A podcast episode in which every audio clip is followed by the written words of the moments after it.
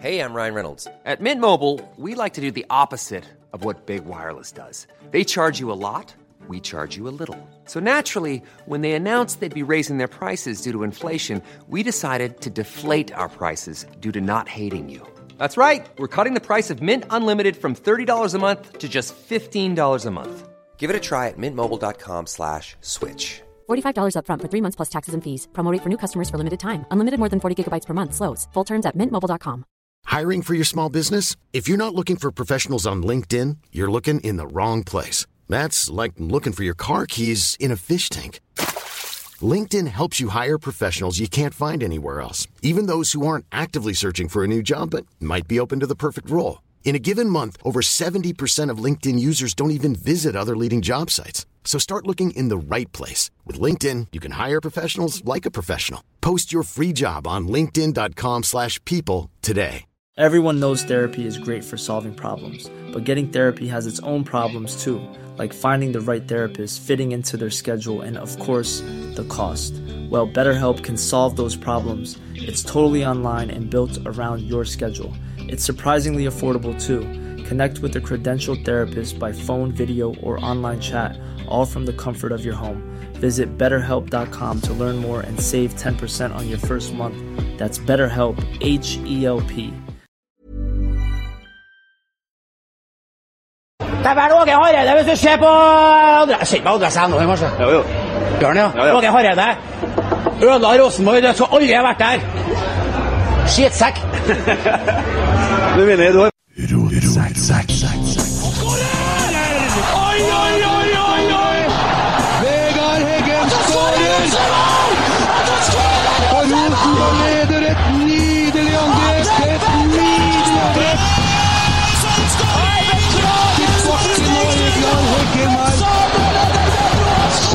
synet! Se det vakre synet!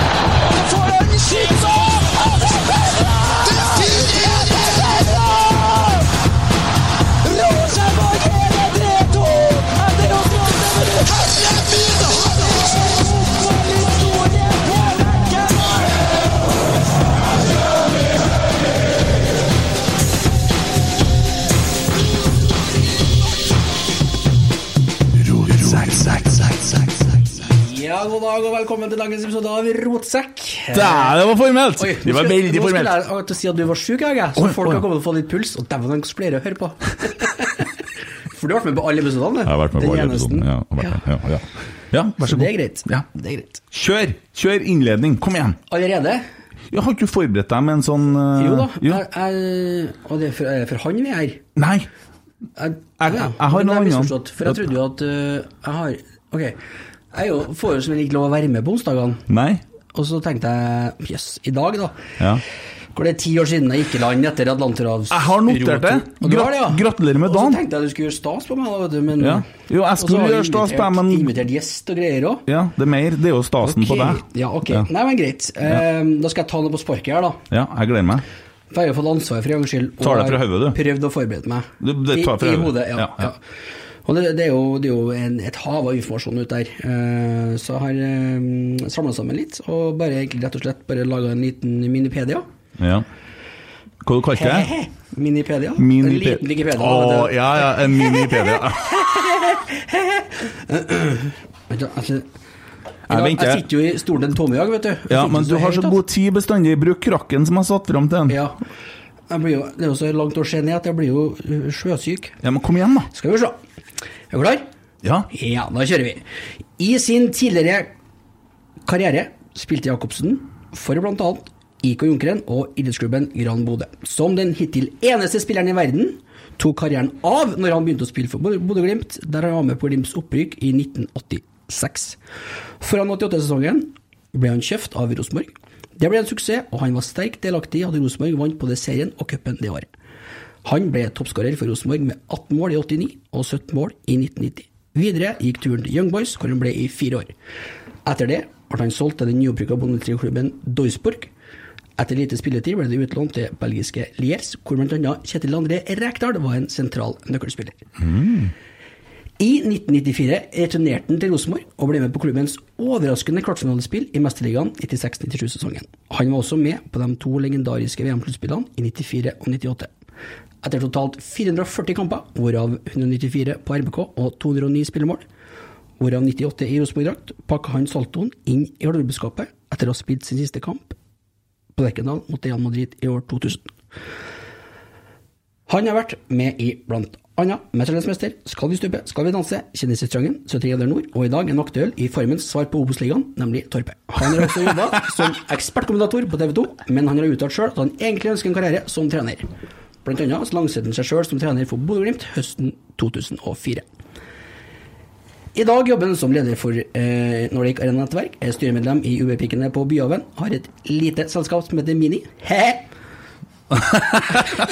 han elsker golf, han leser SMS, men krever svar på e-post, og han svarer konsekvent på ett av to spørsmål når han kommuniserer elektronisk. Han har 54 600 følgere på Twitter, men følger bare 519. Alle under E68 ser opp til han, samt den kommende fotballgenerasjonen som lar seg inspirere av den lekne spillestilen, den berømte saltoen og det smittende humøret. Han har gjort endringer på navnet sitt i folkeregisteret til ære for sin favorittartist. Dagens gjest er Jan Ivar Mini Jacobsen. Yay! Hei! Hey. Ja, det, du, det var en eh, fantastisk eh, intro. Yes, og det var det jeg gikk for. Da skal når jeg skal gjøre det, skal jeg gjøre det skikkelig. Men du sa 96-97? Ja, Ja. Vi reagerte vi med en gang. Altså, Ja. Det er nok 95-96 eh, som Champions League starta. Altså, jeg holder mine kilder, bl.a. Wikipedia, uh, skjult. Ja. Ja. Og så var det en feil til inni der. Nå har jeg jo glemt det, for det var jo så mye informasjon. Det var meninga, da, vet du. Altså, ingen notert. Det var bra, tenkte jeg. Ja. Ja. Eh, og så har jeg faktisk spilt for Mehamn fotballklubb. Ja, det har du. Ja. Det Mehamn er da Der lå verdens nordligste gressbane.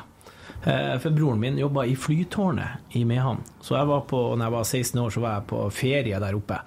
Og når jeg da kom opp dit på fredagen, så var han ene kompisen til broren min Du, kan ikke bror din være med Nei, han snakka kanskje ikke trønder oppi der. Eh, kanskje bror din være med til å spille mot eh, Honningsvåg i morgen? Så da plutselig satt jeg på en tvinnoter på vei til Honningsvåg dagen etterpå, og spilte da femtedivisjonskamp på Mehamn mot eh, Honningsvåg under navnet Jan Ivar Iversen.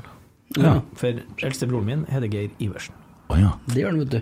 Så Hvor jeg, gammel var du da? da var jeg 15 eller noe sånt. Mm. Ja. Jeg husker når du kom til Lerkendal. Jeg var, jeg var Du vet, med denne hockeysveisen og det var, Du var absolutt det største helten min. Var det, ja? Ja, og jeg var sur når du dro til Young Boys den gangen òg. Det var vondt. Så Har det gått over nå? det, og jeg hadde den jo med på tidenes lag, for meg, eh, som eh, en av topp tre spillere i Rosenborg, sånn emosjonelt. Ja, tenk det. Ja, Så. Men eh, altså, fordelen med meg at, at jeg får lov å være litt sånn markant gammel Rosenborg-spiller, er jo at jeg, det var mye med meg utafor banen også. Ja, ja, ja. Altså, jeg, det er jo ikke noe tvil om at jeg bruker å si det hvis du lurer på om jeg har vært god til å spille fotball, så bare kom hjem, så skal du få se på alle pokalene. Mm. Eh, Og har du med sølvpuss, så ta gjerne med, for vi er fri for sølvpuss i Trøndelag. Det var en periode, det var en periode vi var fri. Ja, kan, vi, kan vi bare ta den med en gang? Vi, har jo, vi sitter jo og krangler med Bodø-folk uh, mye på Twitter. De mener jo at sin prestasjon i fjor overgår alt som har skjedd i norsk fotballhistorie. Er du enig i det? Nei, nei, definitivt ikke. Altså, fakta ødelegger enhver god diskusjon. Det har jeg alltid sagt. Ja. Og begynne å sammenligne Begynne å sammenligne Torpet med Farmen, det går ikke, vet du. Altså, det, det er er er god. Conference League og eh, Champions League. Altså, Inntil Toto-cupen 21, sier vi. ja, Farmen er Champions League, og Torpet er Conference League. Ja. Altså det, men vi, vi skal også huske på at den prestasjonen de gjorde imot Roma, hvis du tar isolert sett, Mm. så er jo det en fantastisk prestasjon å vinne 6-1 mot et topplag fra Italia. Mm. Så det i seg sjøl er jo noe de absolutt skal få lov å slå seg på skuldra og være stolt av seg sjøl. Men, og for ikke snakke om bortekampen òg, altså 2-2. Mm. Eh, men sånn sett under ett, så er Conference League er litt lavere. Ja, jeg er helt enig. Det er ikke bare litt lavere. Altså, det er det mange lag i Champions League, er det mange lag i Europa League. Det er veld, veldig, veldig mange lag. Ja. Ja. Under si- Sier du det der med vilje? Veldig. Prøver du, prø- prøver du å være Ivar Koteng? Ja, men jeg sa egentlig veldig når jeg var liten, for jeg er fra Bjugn, og Ja, det sier vi veldig. Ja, ja for han sier jo veldig. Ja, og så Jeg syns det er litt artig, da. Vi sier veldig kort liste. Ja, Ja, vi laga til og med T-skjorte her som vi prøvde å få gjennom, sendt melding til han med bilde av han. Altså, jeg har ei veldig kort podkastliste, og så er bildet bare av rotsekk. Jeg fikk ikke noe svar. Det turte ikke å lage den. det er litt ekkelt å møte opp, det kommer fullt av folk med sånn skjorte som gir bilde av han, blir litt sånn Nei, det, vi kan ikke gjøre det. Men du, jeg har noe du må høre, bare. Skal vi se. Det, det er mye grunn til å grue seg her. Ok. Nei, det kom ikke noe lyd. Jeg vet ikke hvorfor. Jeg må finne ut hva er problemet. Ting er sånn det pleier å være. Ja. Akkurat sånn. Åh. Hvorav rotsekk. Ja, jeg skal prøve en gang til, da. Skal vi se. Nei, han har dødd, linken her. Beklager. Ja. Ja, Skal jeg holde praten i gang imens? ja snakk om Men snakk. eh, rotsekk, er det fra Åge og sang, eller er det Ja, det var det som var inspirasjonen, og vi skulle være en uh, Jeg skjønte jo at du var jo livredd når du kom hit, for at du har hørt forrige podden vi har hatt. Ja, og da var det litt roping. Ja, jeg må innrømme det at jeg tenkte når jeg blir invitert, og så har jeg enten jeg hørt om det eller et eller annet sånt. Alle har hørt om det. Ja, altså, beklager. Ja, ja, ja. Eh, og så eh, eh, så tenkte jeg jeg må jo høre litt, så jeg vet hva jeg kommer til. Men når dere satt der og ropa og hadde han 17-åringen, han eh, spikeren, og jeg tenkte bare Seriøst, skal, jeg- skal jeg komme dit og være seriøs, eller Har ikke du tenkt å rope i dag, du, da? ja, altså det, altså, men, men det skal du ha, eller det skal dere ha. Um, nå har vi sittet her bare veldig kort Veldig si, Veldig, veldig, ja, veldig, veldig. veldig kort tid. Ja. Uh, men jeg, jeg, jeg, jeg blir i godt humør. Ja. Enda bedre humør etter at jeg, når jeg kom inn her. Ja. jeg ser at det er mulig, og at det blir mye tull. Ja.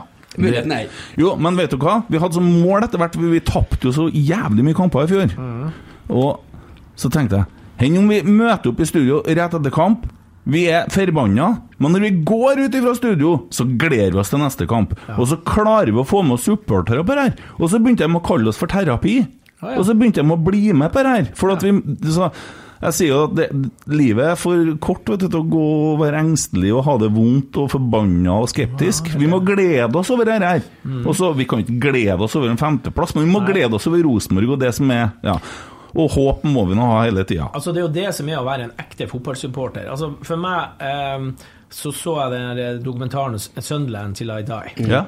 Og, og det er for meg eh, det en supporter skal være. Jeg er jo ikke supporter. Altså Jeg er en mann som følger med fotball og blir sur når vi spiller dårlig, og er sur dagen etterpå også.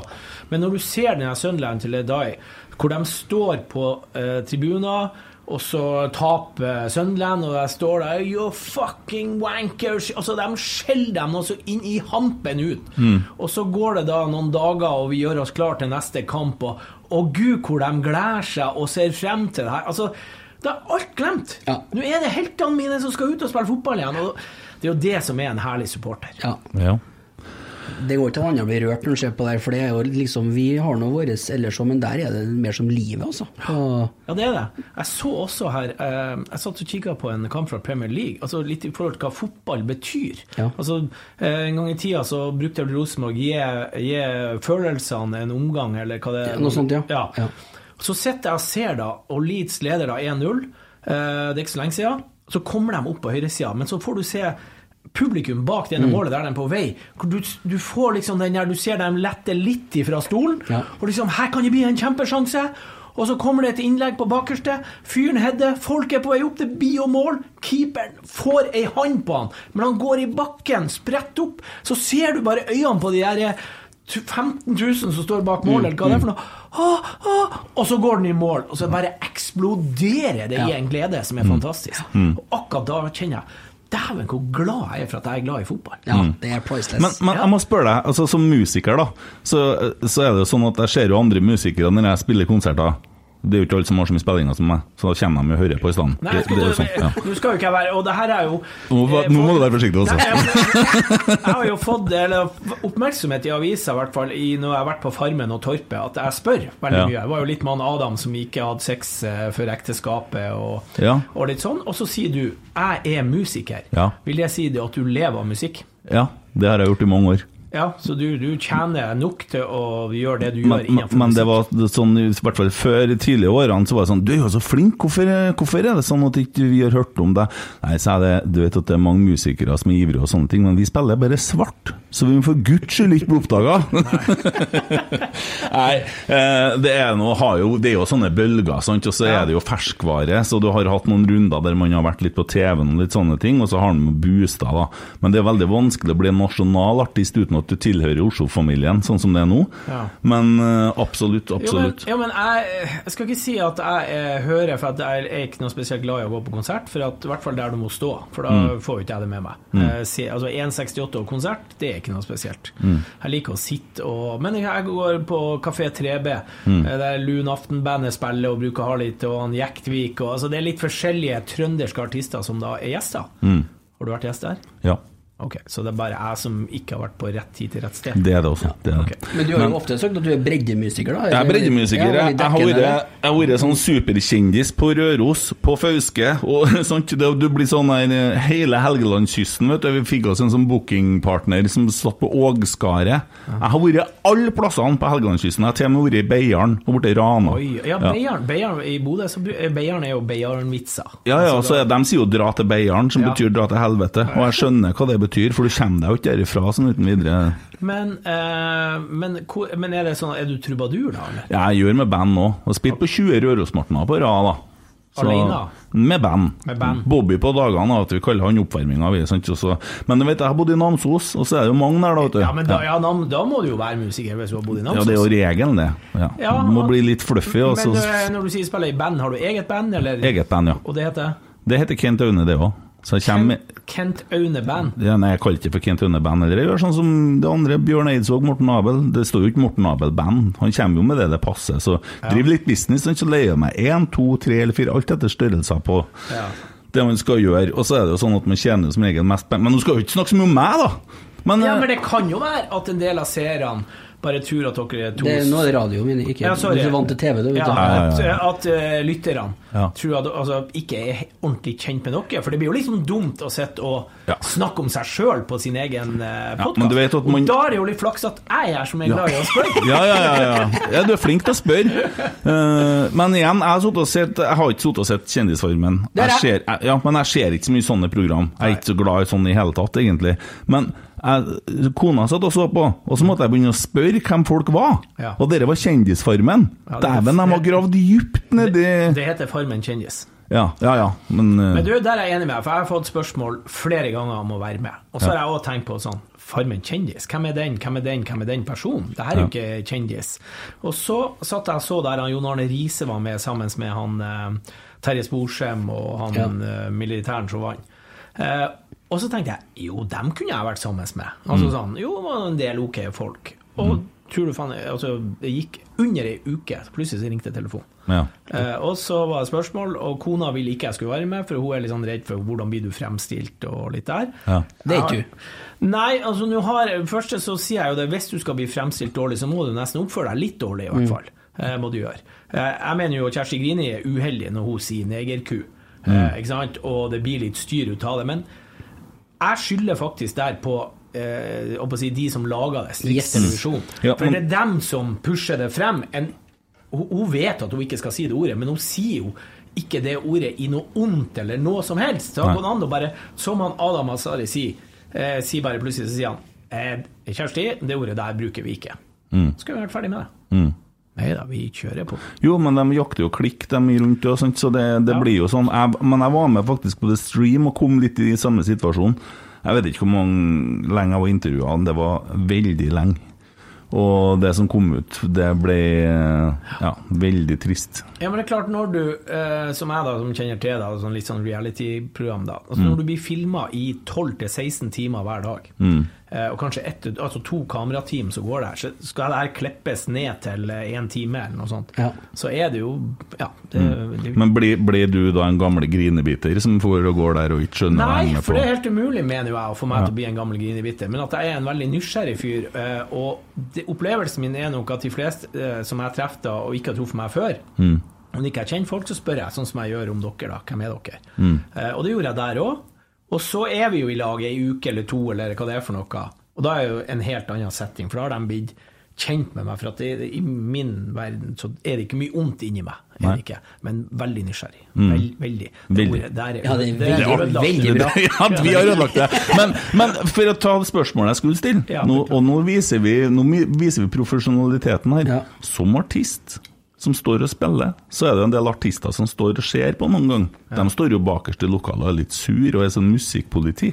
Blir du som, kan jeg bruke uttrykket gammel fotballspiller, eller ek, nei, du har spilt fotball profesjonelt, når du kommer til Lerkendal, det er jo ikke så lett å stille deg sammen med kjernen, for det vil du jo aldri gjøre. Men du sa i stad, jeg er ikke fotballsupporter. Nei, jeg er nok ikke en sånn eh, Jeg kunne sikkert ha gått opp og stått i lag med kjernen, men jeg er ikke så stå glad i å stå og rope 'Rosenborg', 'Rosenborg' og den biten Men der. jubler du så høyt som meg når vi skårer mål? Ja, Ja. det gjør jeg definitivt. Da er du jo supporter, da. Nei, han er langsiktig Jo, men jeg er glad i Rosenborg. Ja. Altså, akkurat nå i den siste tida, ett, to, tre årene, Ja. så, og jeg har snakka med andre Rosenborg-spillere, også andre folk som har jobba i Rosenborg. Vi er nesten litt sånn sint på oss sjøl at vi blir så jævla engasjert. Altså at vi, Når vi egentlig er dritlei. Altså, jeg synes jeg har vært på Lerkendal to siste årene, har jeg kanskje sett tre kamper live. Men jeg har sett alt av kamper, så å si, for at jeg legger meg hjemme og opp med Rosenborg hvis kampen går klokka seks på TV, og så har jeg iPaden med fotball direkte, som viser alle de andre målene. Men å sitte på Lerkendal og ikke bli underholdt Sorry. Mm. Hva er din mening om de to siste årene på Lerkendal, da? Det var steinkjedelig. Mm. Ja, det har vært helt forferdelig. Jeg var, eh, men det må kanskje ha vært to år siden jeg var når vi slo eh, Skal vi si, var Stabæk vi vant en sånn eh, altså, Kjempeartig å plutselig spille. Og jeg er jo så enkel. Jeg har jo vokst opp med Nils Arne og Drillo og blitt opplært av dem. Altså, Lengderetning, et så enkelt ord. Altså, Jeg skjønner ikke altså, hvor Nils Arne Jeg bruker å si det. Eh, ta Nils Arne, vi fikk ikke lov å varme opp på tvers. Vi skulle varme opp. Vi måtte springe i lengderetning. Altså, det handler om å få det inn i hodet. Når jeg får ballen på midtbanen, la oss si det, da. Hva er det første jeg ser? Jeg må jo se i et bakrom. Er det noen som har starta? Hvis de ikke har starta, så kan jeg slippe han sidelengs tilbake, eller hva det er for noe. Det, og det handler om trenerne. Og det er jeg så spent på han Kjetil nå. Å, ja. Og jeg, jeg mener at det var riktig sånn etter hvert. Så var Kjetil det beste alternativet, i hvert fall hva jeg vet om. Eh, og, men, og Kjetil syns jeg er kjempeflink i media. Han, er, han har ballast, han har baller, og han tør å svare og alt det der. Og han er ikke noe sånn må, ingen kommentar og all den biten der. Men om han får det til, det vet vi ennå ikke. Nei, Så- det lover godt, da. Det kan vi si. Også, Hva er det som lover godt? De har trent på kunstgress i Ja. ei uke. Ja, men eh, entus entusiasmen i klubben Altså, jeg har vært på første treninga i fjor, og jeg, og Ja. sett. Og jeg har vært på første treninga i år og sett. Jeg ser en forskjell.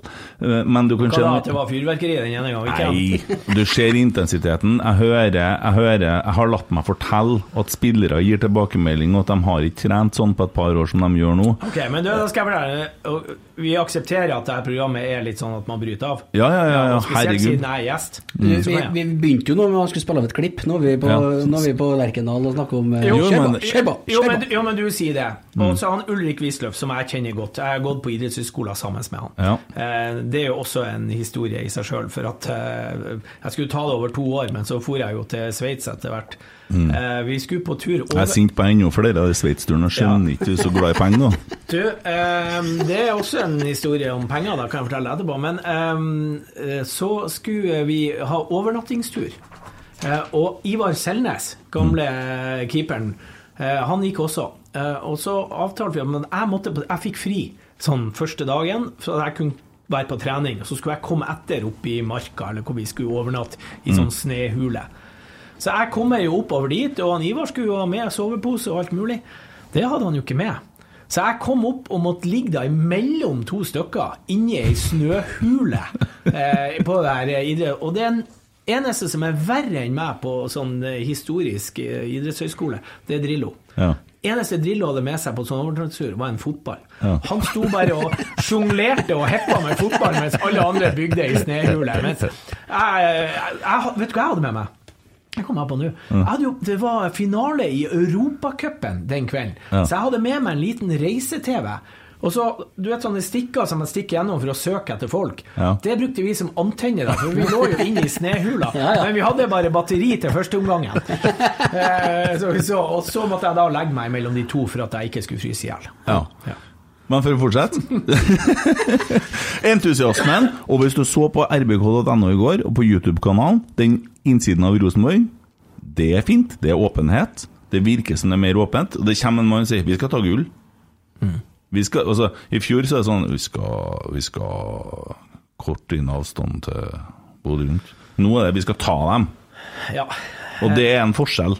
Ja, jeg har ikke sett det du sier. Jeg så litt av treninga, for at jeg var jo selvfølgelig på Twitter og meldte på han eh, eh, Messi fra Frosta, taksetten Mm. som da sto og teipa eh, eh, hårbånd. Du får ikke si noe om hår, vet du, for du så ikke ut noe jo, Jo, det. jo, men, jo, men hår er fint.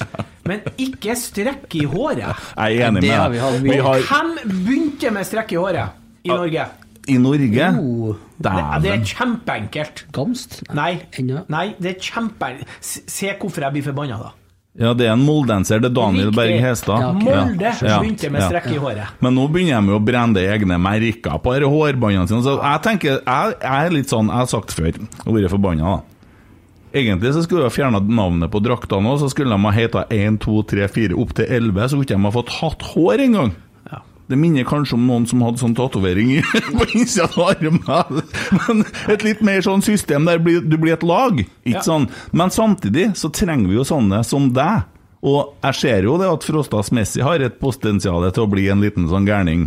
Og jeg, for vi trenger noen, skal vi kalle det klovner, da? Ja, jeg jeg er jo helt enig, og han svarte meg jo på Twitter, eller eh, RBK laga han Jørgen hadde jo fanga der opp, og så Ja. spurte han han, og han sa jo at definitivt noe mini Så skjønner jo jeg jo det når det kommer en sånn gammelkall og kritiserer, eller Det er jo bare for artig, og det ser jeg jo taksetten og ser. Eh, og han sa jo det at eh, nå skal jeg jo Han skulle jo ikke klippe seg på et halvår, eller hva det var for noe. Hvis ikke jeg kom med saksa, så jeg laga jo selvfølgelig en liten en svar med at jeg hadde ei saks og var klar. Ja. Det kan vi ha prøvd å få invitert den hit, og så lager vi en sånn eh, film der vi klipper den. da. Altså klipp. Ja. Jo, men jeg, jeg, langt hår og alt det der er kjempefint. Det er bare det der jævla hårstrekket. Ja. ja, men når du har en jobb og du tjener en million i året, og du trenger å se, da må du ikke ha hår i øynene. Da må du gjøre som deg, da, hockeysveis, da. Riktig. Jeg er helt ja. enig med deg. Og hvorfor har de så langt hår? Jo, for de syns det er fint med langt hår. Det er jo ikke det, vet du. Se hvordan Haaland ser ut, da. Men la, han har jo ikke så langt hår, da. Han ser jo ikke ut på håret. Alle så- det jo ikke. Jo, men nå skal jeg ha et godt argument. Ja. De syns det er fint med langt hår. Men når folk ser deg, med andre ord, når du spiller kamper og er på TV, da får du med strekk i håret. Ja. Det er jo faen ikke fint. Nei. Nei, men at du kan være fin eh, hvis du skulle på Bajasso Nå er jo ikke Bajasso lenger. Så. Nei, dessverre. Dessverre. Skal vi se om vi får lyd nå? Det som jeg skulle si om det med preseason og sånn, jeg elsker den eh, preseason-feelingen. Jeg er enig med deg, men i forhold til at det er vanskelig å tyde noe av spillet. Men den entusiasmen med nye folk i nye koster, og, og alle sammen på en måte har nustilt seg, den setter jeg pris på. Og så gjenstår det å se, da. På dag én. Første kamp. Men, men nå skal jeg fullføre for det du spurte om i sted. Kent. Det var- Jo, jo, men det Ja, du ja, sa i sted, det var det at de, de har sagt vi har ikke trent på et halvt år, vi har trent. Hvis du går tilbake og ser på uh, avisutklipp, så ser du han Ulrik Wisløff, det var der vi var, eh, som da fortalte at eh, han var inne og nå har de aldri vært bedre trent, og de er så godt trent, og de for og sprang med han Åge klokka sju om morgenen og, og det greiene der. Ja. Og, og så begynte de å ta fotballkamper. Det var ingen som hørte om noe om trening. og trente er. Og så kommer det en ny trener og tar over. Ja, de er jo veldig dårlig trent. Ja, men faen Nå, Vi trenger ikke å banne sånn. Jo, vi får lov til det her. Ja, men ok, men det er, jeg er voksen. eh, Voksne folk skal, trenger ikke å banne. Du må i hvert fall være nordlending, og du må ikke være dame og Men det er en emosjonell, følelsesstyrt pod nå. Ja, det går ja. bra. Friste. Ja. Men derfor er jeg litt sånn, for nå skal Ulrik Wisløff få mer ansvar og alt det der. La meg bare si én ting. Det er ikke Ulrik Wisløff. Det kommer an på om vi kommer til å vinne fotballkamper. Det er et par andre ting her. Nå skal vi se om vi får lyd. Jeg må prøve det fra telefonen. Jeg skjønner ikke hva som har skjedd med Mac-en min. Ja, Pølserødmannen har bedt meg eh, stille tre konkrete spørsmål mine fra vår lange og begivenhetsrike epoke sammen. Og du får da tre spørsmål av sportslig eller ikke fullt så sportslig karakter, delt opp i spørsmål, en pause og et uh, fasitsvar. Så hvis du er klar, så skal jeg uh, lage disse uh, små videoene og spille de over, sånn at du kan få de servert i løpet av podkasten. Så det skal du få etter hvert. Ja. Men jeg må bare ta én ting. Eh, jeg gikk litt langt forrige poden, og det må jeg legge meg flat på. Eh, noen kjefta litt på meg og havna i noen diskusjoner. eh, I forhold til uttalelsene mine på transeting og alt sånt. Jeg er selvsagt, som jeg da sa, jeg kan si det igjen, til og med i 40-årsdagen min så var det til og med en en, ei, et, den, uh, hen, Hen. trans, som jeg til og med dansa med, har ingen problemer med eh, det i det hele tatt. Det som det gikk på, og som jeg tenkte var smart å snakke om, det var den saken der jeg opplever at det blir som om at jeg som da en rusfri fyr skal forlange at folk ikke drikker alkohol så jeg ser det, for å ta hensyn til meg som er i mindre gruppe. Eh, Men det er litt klønete å begynne å rote borti det, og da, akkurat da så tenkte jeg mer på å prøve å være morsom enn alvoret med saken. Så jeg legger meg flat, og så er vi ferdig med den. Men er det, er det noen som Jeg hva noen som sitter Jeg er ikke ferdig med den. Ja, Nei, men jeg bare blir sånn Er det noen andre som blir krenka på andre sine vegne? Ja, det er noen som er tenker at, ja, at vi må være Rosenborg må være inkluderende og sånne ting, og det mener jeg selvsagt, og jeg er veldig sånn eh, Skal vi treffe en Pål i morgen, forresten, i forhold til gatelaget, Ja. og, og har litt sånn Jeg brenner veldig for psykisk helse og rus og det som er av sånne ting òg. Der kan vi jo komme inn på litt hvorfor du ikke har hørt om han artisten før. men, eh, men, eh, men eh, det er i så fall sånn at det er litt klønete av meg å bevege meg inn på det temaet der når det kan misoppfattes, og jeg mener ingenting Og jeg mener at alle er inkludert på, på Lerkendal og i Rosenborg-familien. Sjølsagt. Så jeg setter to streker unna det, så at det bare ikke kan misforstås. Men, men, men spørsmålet, er det én eller to som har gitt deg beskjed om det her? jeg fikk én, ja. Det en, ja, ja. og da føler du at du må legge deg flat? Nei, jeg føler at jeg kan i hvert fall gjøre rede for det, sånn at jeg viser storsiden, sånn at jeg kan si at det er det jeg mener, sånn at jeg gjør det enda tydeligere, for det var kanskje ikke tydelig nok det jeg skulle, dit jeg skulle heller, da. Ja. Men eh, la oss nå bare Du skal få lov, du skal få lov å avslutte den her. Ja. Men det var en gang en Mørken som skrev i avisa Kan ikke være så slutt å slutte å bli krenka på mine vegne. Ja. Og det tror jeg vi Jo, og det var jo det jeg mente den saken gikk på òg, ikke sant? Fordi at det var jo en forsker som gikk ut og mener det, at vi skal slutte å gå ut ifra hvilket kjønn vi møter på. Ja. Og at de ønsker seg at jeg ikke skal Nå skal ikke jeg tenke at du er en mann, jeg skal tenke nøytralt. Ja. Og da syns jeg det går for langt. Det blir som at jeg, Og jeg bruker høreapparat, så kan dere fra nå av begynne å rope alle sammen i verden og gå ut ifra at alle bruker høreapparat, for det blir lettere for meg. Det var litt sånn, sant? Og så ble har det høreapparat, da. Har du det? Mm. Ja, det er vi to. Jeg mista hørselen på ene øret, Ja. så jeg har noe som heter bicross. Oh, ja, Så hvis du snakker, den, ja. ja, hvis du Ja. snakker til meg på ene øret, så går lyden over til det andre øret. Ja, ok, Hvordan har du fått til det? Eh, jeg tente først på et bål eh, på hytta eh, med bensin, men første fyrstikka var det tente jo ikke. Nei. Så tenkte jeg her er jo altfor lite bensin, så jeg må ha på mer bensin. Og, og det kan jo være en lærdom her i denne podkasten. Bensin i seg sjøl er ikke så farlig, men dampen Ja. som kommer av det Den er vanlig, den. Og når du da får fyr på den fyrstikka, Ja. så sier det Og så ligger jeg da tre meter lenger bak, fritt for hår på legger og øyenbryner og sånn, og førstegrads forbrenning i ansiktet. Nei, når var det da? Ja, det er kanskje ti år siden, eller oh, ja. i hvert fall. Og da fikk jeg, da fikk jeg tinnitus. Ja. Og det hyla og litt sånn. Og så går det kanskje et års tid eller noe sånt.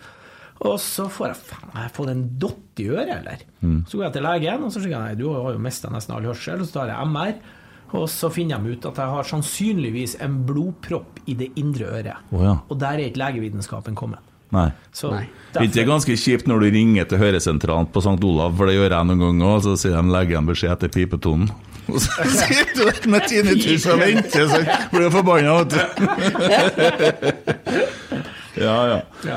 Skal vi høre litt eh, første spørsmål fra Davies? Vi får åpna noen spørsmål. Men Um, Nei, her skal vi gjøre Her har vi andre ting å ordne med! passer i rotsekken min. Faen, du, er- du skal jo litt, litt artig med Hei, dere, det er jo en faktaopplysning. Dere vet at jeg har hatt radiosending.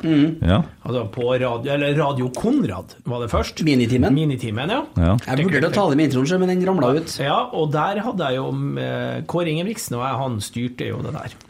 Ja. Eh, og da, når vi snakker om eh, Fikk vi jo en For vi hadde hatt folk kunne ringe inn og liksom si hei eller unger, eller hva det var for noe. Og plutselig Hei, når dere skal ha program for unger, så er det veldig slutt med den banninga. Dum, så la han på. Ja, det er Ja. der det kommer fra, ja. Ja, så der, eh, For da hadde vi sikkert sagt faen og litt sånn. Men eh, ta noe annet her i tillegg. Og at dere må ikke invitere folk som er så gamle som meg, for vi har, vi har så mye Jo, det, det, det er jo artig. Vi har jo, du har jo mange muligheter til du- å komme hit, du. Du, Radio 1. Ja. Uh, han uh, som nå er på uh, Han Nea. Bård Danielsen. Bård Danielsen. Bård Danielsen. Bård Danielsen. Og der var det jo, var jo veldig populært i Norge på TV-program. Folk ringer inn etterpå ikke sant, og Mm. sier. Og Radio 1, da, og de er jo sikkert godkjent det her siden de spiller det ut. Og da er det en som ringer, her, så sier han Du, han der Bård Danielsen, er han tvilling, eller? For det er da stein umulig å være så dum alene. Her syns jeg var en kjempemelding. Det fikk en Bård nå på kjeften. Vi skal høre hva Davy spør om her først nå. Det er naturlig å starte med den aller første jobben vi gjorde sammen, fotball-EM i Nederland og Belgia i 2000. Norge fikk en drømmeåpning med Steffen Iversens 1-0-heading mot Spania på The Cape. Morgenen etter ble du og jeg utkommandert til God morgen Norge, før vi hadde rukket å legge oss. Og du fikk et helt konkret spørsmål om et helt konkret tema. Spørsmålet er hva var det du ble bedt om å redegjøre for, og hva var svaret ditt?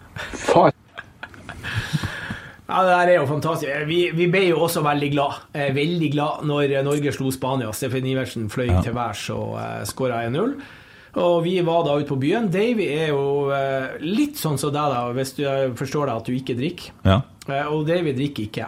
Eh, han, han, jeg har vært med og at han kan ta seg en øl eller en rusbrus og litt sånn, men ikke noe stort. da. Men jeg er jo ikke i den kategorien. Jeg er jo veldig blid. Ja. Veldig blid. Veldig. Ja, og, det ble veldig seint. Jeg tror vi kom hjem rundt seks-halv sju. Og jeg er da på vei til å legge meg, eh, og får en telefon bare fra en eller annen som styrer i TV 2. Hei, dere må være med på eh, frokost-TV, eller hva det var for noe. Og jeg bare ja, særlig, så bare la jeg på. Så går det ti minutter. Hei, hvor du er du? Det er ti minutter til du skal være på! Jeg tror de kødda, vet du. Ja. Så jeg må da bare på med noen klær, springe ned utafor hotellet. Davy står der klar, han òg. Og vi står da og prater og blir da intervjua, eller, eller satt over fra hjemme.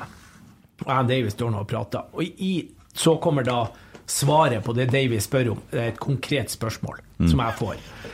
Henning Berg fikk nemlig en strekkskade i den matchen der. Og da fikk jeg spørsmålet. Hva, hvordan står det til med Henning Berg, da? Eller sin skade, eller et eller annet sånt. Så kommer jo da svaret ifra meg. Du, Davy, det er mye vi har kjent på uh, utover natta, men det er ikke Henning Berg sine lår, i hvert fall. Han, han han har svarene òg, så Vi tar med svaret på dere, og så går vi videre, så vi får tatt unna de tekniske spørsmålene. Nei, Jan Øyvind Helgesen ville vite hvordan det gikk med strekkskaden til Henning Berg, og du svarte av alle lårene vi har- vært borte i løpet av natten, kan jeg ikke huske at vi var innom Henning Bergs. Ja, spørsmål to er også av sportslig karakter. For i forbindelse med playoff-kampen mot Spania i Valencia høsten 2003 skulle du og Steffen Iversen duellere i golf på La Manga. Jeg var caddien din, og på hull to vartet eh, Steffen Iversen opp med et eh, praktfullt slag. Spørsmålet er hvilket slag var det, og hvordan var reaksjonen? Uh, jeg har spilt flere ganger. Steffen er jo et balltalent uten de like. Uh, Og uten de like, uten like. Uh, Og han slår da et utslag fra Tisted, havner da i bunkeren og ca. 120-130 meter fra Grin og Koppen. Slår da ifra Sanda. 120-30 meter, rett i koppen. Og Davy er jo da min caddy. Men Davy gjør ikke stort sett annet enn å skryte av Steffen og rakke ned på meg i løpet av runden. Og jeg var så sint på Davy eh, der, så jeg kjørte fra han ut på golfbanen. Så han måtte sitte på den andre. Og vi skulle ha sending på, eh, på ettermiddagen. Jeg måtte bare fære og være litt for meg sjøl, så at jeg klarte å stå ved sida av Davy på sendinga på kvelden. Får vi svaret, og det neste. Det blir litt verre. Fasiten er Steffen Iversen slo til med en eagle, fikk spontan applaus av caddien din, og du ble dritsur og kjørte fra meg, sånn at jeg brukte flere timer på å finne veien tilbake til klubbhuset. ja, sannheten er at vi ikke bare har jobbet sammen disse årene. Det har jo også vært en del utenomsportslig. Og da vi var i Skopje Makedonia, fikk du greie på at det var en nattklubb som skulle gjenåpne. Og du var en sentral skikkelse under markeringen. Med det resultat at eh, du måtte tas hånd om av dørvaktene på hotellet da vi kom tilbake dit litt ut på morgenkvisten. Spørsmålet er hvilken nasjonalitet hadde disse to dørvaktene? Hvor var de fra, dørvaktene på hotellet i Skopje?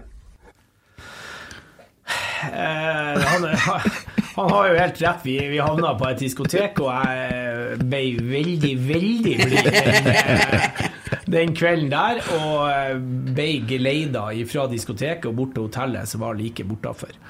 Eh, Det skal jo sies at jeg husker jo ikke stort, men det er jo noen som da eh, helt håpløst har tatt bilder av det her. Og det er to da dørvakter, bodyguarder på to meter i høyde og én meter i bredde. Som bare står og holder meg imellom og, får meg inn i en heis. Og opp, jeg våkner bare dagen etterpå på senga mi, alle klærne på og alt det der. Men historiene har jo dratt seg mye lenger fra hele TV 2-teamet. Så jeg måtte nesten eh, Vegard Jansenhagen, som da var sjefen vår og redaktør, jeg måtte bare nesten si at ett ord til nå, så blir du saksøkt. Ja, men jeg tror, jeg tror ikke det er så mange rykter, for jeg tror, det kommer, jeg tror vi har kilden til ryktene her. Ja, ja, hvis du vil høre fasiten hans. ja. Ja, men han spør hvor de er ifra, og det vet jeg faktisk Nei, ikke. og han har fasit på det og, og en liten tillegg. Ja. Fasiten er at de to dørvaktene, som var fire meter og 450 kilo til sammen, var fra Ukraina. Og så kan vi jo fortsatt diskutere hvem av de det var som kledde av deg. Du våknet i hvert fall naken i sengen om morgenen. Nei, jeg husker jeg våkna med klærne på, men uh, det, det, det ble spint noe voldsomt på uh, historien rundt det. Men uh, ja, jeg husker jo de, alle tre historiene til David. Ja. Det er koselig. Han, eh, han Emil Almås som er med her, som er omtalt som Pølsebrødmannen, han har jo har jo litt dialog med Davy, men det var ikke så enkelt å få tak i det. Men vi klarte nå det, da. Ja, Davy er jo Davy er fin. Altså, han, er- vi har, jeg jobba med han i 17 år i TV 2, og vi hadde mye artig. Mm. Eh, Vi var i Portugal, eh, EM da også, så var vi ute og skulle prøvesmake portvin, selvfølgelig. ikke sant? Mm. Og Davy, som sagt, drikker ikke. Eh, Så til slutt så setter vi oss opp, og så sitter på min høyre side sitter han da sjefsimportøren av eieren av hele greia her og skal være høflig og stille opp ved siden av. Mm. Og til venstre for meg sitter Davy. Og vi har fått fire glass hver med forskjellig portvin. Jeg sitter og prater, så ser jeg han der kameramannen begynner liksom å kamera litt på han Davy, og det blir litt sånn humring. Jeg prøver jo å være høflig og sitte og snakke med han fyren. Så ja, skal vi smake på det her, da? Ja, det kan vi gjøre. Så ser jeg ned. Alle åtte glassene er tømt. Davy bare tømte ned åtte glass. For han ser jo også den her eh, verdien at det her blir bra TV, ikke sant? Ja. Men fyren har jo nesten aldri drukket. Når du størter åtte portvin Sverige spiller mot Italia den kvelden, og vi TV 2 hadde ikke rettighetene, så vi hadde ikke liksom eh, akkreditering til å komme på innerste bane. Plutselig er det noen i TV 2 som ser Davy på indre bane. Så jeg tenker, Hvis vi finner han der, så blir jo han kasta ut av Ja. igjen. Så de får tak i noen som får geleida han ut av indre bane og opp på eh, tribunene. Han visste knapt hvor han var henne. Så eh, nei, eh, Davy eh, ja, Gud, vi hadde mye artig. Veldig god portvin, det. Ja, sikkert. Ja, det er en bra fyr. Jeg savner dere på skjermen. da Det er ikke noen mulighet for å se deg på TV2 igjen når de tar over Eliteserien. da Eh, nei, jeg tror ikke det. For det første så jobba jeg der i 17 år, og det er lenge for å være sånn fotballekspert. Men det skal sies at jeg hadde veldig fint uh, Veldig, der kommer det ordet igjen. Vi har, vi har ødelagt veldig. Ja. Ja. Uh, jeg fikk, uh, det var et år kontrakten min gikk ut i TV 2. Mm. Uh, da var det Roar Stjern som var daglig leder. Eh, han jobber jo da med meg i dag. Jobber Mm. i Komment. Eh, og Harald Lundemo var markedssjef da, han som har slutta. Og da fikk jeg tilbud fra, TV, nei, fra Rosenborg om eh, 50% i, på sportslig og 50 på eh, markedssida. Da. Mm. Og da var jeg veldig fri. Da var jeg frista til å ta den jobben. Mm.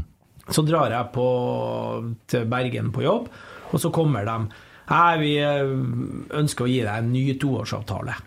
Uh, og da hadde jeg egentlig bestemt meg for Rosenborg. Mm. Men så det er veldig behagelig å være fotballekspert. Altså. Mm. Det er en artig jobb. eh, mye fri midt i uka, du får se fotball, du følger med. Du, med- du gjør jo alt utenom å trene, nesten. ikke sant? Mm. Du er med på de store kampene og lever i det, som er, som er flott. Så da sa jeg ja til en eh, ny avtale med TV 2, da. Mm. Eh, Jeg skal ikke si at jeg angrer på det, men jeg har jo den her lille Du har så veldig lyst til å bidra i Rosenborg.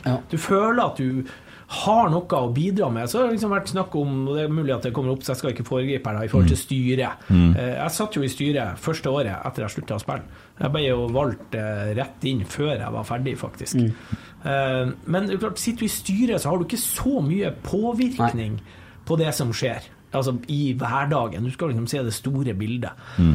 Så kan vi diskutere om det er litt annerledes i et fotballstyre kontra en større bedrift, selv om Rosenborg også er en, en større bedrift. Men Rosenborg er først og fremst en fotballklubb, og det tror jeg er, mener i hvert fall jeg er viktig å huske. Og det er jo mye jeg har fått noen mailer fra folk, og, eh, og noen internt i styret òg har vært at vi trenger Nå vet ikke jeg helt hva det er for noe, da, men vi trenger rosenborgere. Mm. Vet dere hva en rosenborger er? Ja, det vet jeg. Ok. Ja. Ja, vet jeg, men vi vet, vet vi forskjellig? Ja, nei, Det er ikke noe tvil om det. En som lever etter verdiene til Rosenborg, som forstår dem, og som klarer å opptre etter dem i media, blant annet, og som eh, skaper engasjement blant folket, og som er med å samle Trøndelag til ett rike igjen, for det er splitta. Det er en rosenborger. Ok, Ja. Så med andre ord, vi har ingen rosenborgere. Jo, Roar Nei, ikke i forhold til det du sa jo, der. jo da, men også som innehar det, som, som, jo, kan- du jo ikke ha som, som, etterstreber det, da. Sant? Ja. For du kan jo ikke være åpen alltid, og du kan ikke være så, Nei, så, så, det er- altså, jo sånn, ja. Du har jo Roar nå, da. På den, det tror jeg var et smart trekk òg av, av Kjetil og Geir, da. Kan jeg at, si at jeg har spilt den inn? Ja, det kan du si. Ja. Jeg tror det ikke, men eh, greit. Nei, jeg gjør det. Jeg, først? jeg ringte Kjetil Rekdal Ja. og visste at han skulle ha en trener, så da, da ringer du Roar Strand. Ja, jeg, jeg satt her og renta Roar Strand som trener for en stund siden for at han er for forsiktig, men i det teamet der, så er det midt i blinken. Helt enig med deg. Jeg, og, og, jeg snakka med han Roar òg, og sier når, når du nå skal snakke med Kjetil, så må du komme deg frem i stolen, og så forteller du hvem han Roar Strand er. Mm. Altså, han Roar er jo forsiktig, han er jo litt sånn annerledes. Han vil jo garantert ikke ha jabba like mye som jeg gjør, altså som gjest, ikke sant? Jeg skal bare ta bort det her. Og så så sier jeg nå må du frem, du er Roar Strand, du er den største legenden vi har. Altså Du skal ha påvirkningsnatta. Og så vet du hva som krevdes i garderoben eh, for å Altså mandag til fredag for å få ei gruppe som skal være sammen. Mm. Jeg får jo høre om svensker som sitter i ene garderoben, og så sitter noen andre i, Ja. eller i hjørnene, da. ikke sant? Da blir jeg sånn Seriøs? Mm. Sånn eksisterte ikke når jeg spilte. Nei. Carlo Holse tok et godt steg imot å bli rosenborger nå. Han var ønska til Italia og forlenga kontrakten. Det er i hvert fall veldig bra for supporterne. Nei, Jeg skjønner at det ikke er rosenborger som vi snakker om rosenborger, men dæven, han eh, vinner mye. Det varmer jo hjertet. Men, jeg, men greia mitt var jo bare Du valgte jo å svare, og nå har du kanskje et annet svar, da, for jeg er jo sånn Hva er en rosenborger? Altså, eh, men bryr du deg om Rosenborg? Og det er jo det som eh, Nå bryr jo de fleste seg om Rosenborg, og Ivar Koteng, som jeg kjenner også utafor banen, hvis jeg kan si det sånn. Mm. Eh, og jeg har sansen for han, men mye av det han har gjort, så blir jeg jo bare seriøs. Kødder du, eller? Mm. Altså Du som bedriftsleder, hvordan klarer du å gjøre sånne uttale deg om det og gjøre sånne valg? Hvordan valg da? Ja, blant annet eh, når han sparka Roar Stjernen, Mm. var også akkurat på samme måte som han Kåre får sparken. Tekstmelding 'Vi må møtes'. Mm. Hallo? Altså Det som skjedde når Kåre ble sparka, det er nesten så det ikke er sant. Altså Da blir jeg sånn eh, Vi kan godt være enige at, og hvis at han Kåre skulle sparkes. Altså, For fotballen, jeg diskuterte med han Rune, og husk på, da satt han Rune, Fredrik og Vegard Heggem i styret. Jeg skal bare se om han Fredrik var her. Ja. Da har vi altså tre stykker som er skal vi si, fotballalibiet i styret til Rosenborg. Skal han Kåre sitte da og diskutere med han Ivar Koteng? Han kan jo ikke gjøre det! Det må jo de tre gjøre! Og så snakker jeg med dem og sier nei, men det er ikke i vårt mandat. Så sier jeg ja vel, har vi slutta å prate med hverandre også i klubben nå? Selvfølgelig må du gå hvis vi er uenige, styret er uenige på hvordan vi spilte fotball. Og det skal jeg være med på. Det har jeg sagt både til han Kåre og han Erik. Plutselig så ble det pasninger på tvers. Vi skulle holde ballen i laget. Av at vi skulle øve på å bli bedre i Europa. Og da mente han Kåre og han Erik at, og det er jeg fortsatt enig med dem i, at vi må ikke miste ballen så fort. Vi må klare å holde ballen i laget. Men når du øver på det på Lerkendal mot Ranheim, eller altså Det blir feil. Mm. Det går ikke. Vi krever mye mer enn pasninger på tvers Ja, for det var jo en veldig nedadgående kurve. Riktig! Mm. Men hvis vi nå er edruelige, og etterpåklokskap er også klokskap Mm. Hva har skjedd etterpå? Altså, Kåre er med og tar sju av åtte titler. Mm. Det er jo ikke noe tvil om at det var en feil avgjørelse. Og måten det skjedde på. Vi hadde jo ingenting klart. Og først så har vi han eh, Rini. Rini, ikke sant, Kulen, som holder på å gjøre fortsatt vidt en grei jobb. Og så kommer valg nummer 16 på lista og blir trener. Altså, ingenting er klart. Og det er for dumt. Du, du, altså, Ja, vi ødelegger jo, det, det er jo ikke bra for renommeet. Det Omdømmet til Rosenborg er jo betydelig svekka de siste årene. Det er jo Ja. ikke noen tvil om det. Vi er jo svekka utenfor til bedrifter og alt, og hvor gode vi er, og mønsterklubb og alt det der. Og i tillegg så er jo ikke spillere redd for å komme og møte Rosenborg. Hei, her er jo muligheter. Dennis Schiller, husker jeg. Eh, han sa det at faen, når vi kom, så hadde vi trua, så så vi at fotballskoene deres sto i gangen, så skjønte vi at det her gikk ikke allikevel. Sånn Håpa dere ikke skulle møte opp, Ja, ikke sant? ja. Jeg kjente jeg hadde lagt det litt bak meg, egentlig, men nå var det mye som Jo, nei, men det er jo, det, er jo, det er jo ikke unaturlig, og jeg skjønner jo og, For at jeg skjønner jo Brutter'n og Mini var jo Det var close, vet du. Husk på det, minisangen og tilbake i tida der, så det er klart at det, det, det er såre følelser. Og det er jo noe av det som har vært de siste årene. Uh, ja, og, Jo, men husk, på, jeg går med på å diskutere om at noe måtte gjøres med Kåre, altså Kåre Erik, trenerteamet på den tida, for at vi var på vei feil vei. Mm. Jeg syns jo jeg òg, sammen med mange andre. Men vi kan ikke gjøre det. Vi lå som nummer to på tabellen. Altså, var det ikke noen andre Og la oss si at Nei, det her går ikke, men da må Kåre få lov å fortsette ut sesongen. Og så får vi holde på. Ikke vi, hei, vi må møtes. Det går ikke, altså. Nei, og det som, det som blir enda mer merkelig, er at vi klarer faen meg å komme i enda en sak med han, eh, han derre Hva heter han? Horneland? Ja, assistenten der, da. Ja, med. Ja, og forlik og drit der òg. Da Ja. ble det litt sånn Er det mulig? Hva er det? Hvorfor får vi Fleisen rett etterpå igjen? Og det må vi slutte med nå, ja. Og det at vi havna med rettssak med Kåre og Erik òg. Men der er det en ting som jeg har lært. Det er minst to sider av en sak. Det er det nok definitivt. Jeg syns det er helt feil at de går til rettssak. Eh, Kåre ble forbanna på Koteng, som uttalte det var et eller annet greier. Og sånn skal det være på den måten. For Kåre, når han går ut etter han har fått sparken, så er han innforstått med har ett års etterlønn. Altså, Det står i avtalen. Og så kommer det ting. Så blir det diskusjon om Erik skal gå eller ikke gå. Altså, det er så amatørmessig. Altså, når du gjør sånne ting, så må du i hvert fall ha satt deg ned og tenkt Har vi alt rett her nå? Mm. Du så jo nå nede i Skien òg. Han uh, måtte gå, han uh, Jan Frode der. Og så er Nei, har de ikke klart det likevel. er seriøs, altså. Det er jo sånn som i gamle dager. Idre, altså bedriftsledere. Hadde en bedrift, og det styres, og det er bang, bang, bang. Du må sette inn skattepengene og alt det der. Og så går du ved formann i en eller annen fotballklubb eller skiklubb eller hva det er for noe. Så glemmer du alle lover og regler som du følger til daglig, for at det er plutselig en idrettsklubb. Hvordan er det mulig? Altså Strindheim for en del år siden, jeg bor jo på Strindheim, holdt jo på å gå dunken hele Strindheim. Altså en av Norges største idrettsklubber, av at det var noen som satt og skulle få Strindheim toppfotball til å konkurrere mot Ranheim, for Rosenborg valgte Ranheim foran Strindheim som klubb nummer to. Så går nesten altså hele svinnet på ræva. Eh, uff, ja. ja. Vi trykker jingle, da. Bare en liten digresjon. Ble snakk om komment i stad. Da kjenner du om Bosse veldig godt i Namsos. ja. Ring han og spør hvem som er Norges beste trubadur. Aha. Uten noen ledetråd. Bare for nevnt det, så skal vi snakkes etterpå. Gi meg tilbakemelding på det, hva svaret blir. Ja, bare, bare spør han. Ja, så det, var det her utafor podkasten? Nei, jeg bare, ja, det, Eller du bare. La det bare bli mellom oss. Nei, vi klipper aldri Nei. Nei, vi klipper ikke. Nei, nei, vi klipper ikke. Nei, for der hadde jeg et svar, men det skal ikke på podkasten. Å ja, ok. ja, sånn, oh, ja. Da vet du det nå at du aldri klipper. Ang- Angra på det noen gang, men eh, Ja, det er noen gang vi kunne ha klippet. Ja. Men Geir skulle skrive brev til en Adam, da. Ja, han skulle. Ja, ja. Hutte meg tu. Eh, skal vi, før vi bryter på spørsmålene Dæven, vi har snakka lenge uten at vi har kommet til med et spørsmål som er innsendt ennå, men det er jo ikke det som er det viktigste, egentlig, da. Nei. Ja, men du, hvor lang kan en podkast være? hvor langt er et tau? Ja. hvor, langt, hvor langt kan et lite fly? Hvor høyt kan et lite fly? Jeg har hørt uh, den der svenske When We Were Kings. Ja. Den har jeg hørt om Rosenborg, og hørt om Bodø-Glimt. Trengte ikke det. Så- Den blir ikke så lang, vet du. Ja, men nei, det er jo tre og en halv time eller noe Ja, sånt. ja. For da må du kjøre til Oslo for å få han med deg. ikke sant? Ja, ja, ja. Og det er liksom litt her, hvor lenge orker du å høre på en podkast? Ja. Jeg orker veldig lenge. Gjør du det? Ja, jeg gjør det. Eh, for jeg kjører mye bil, da.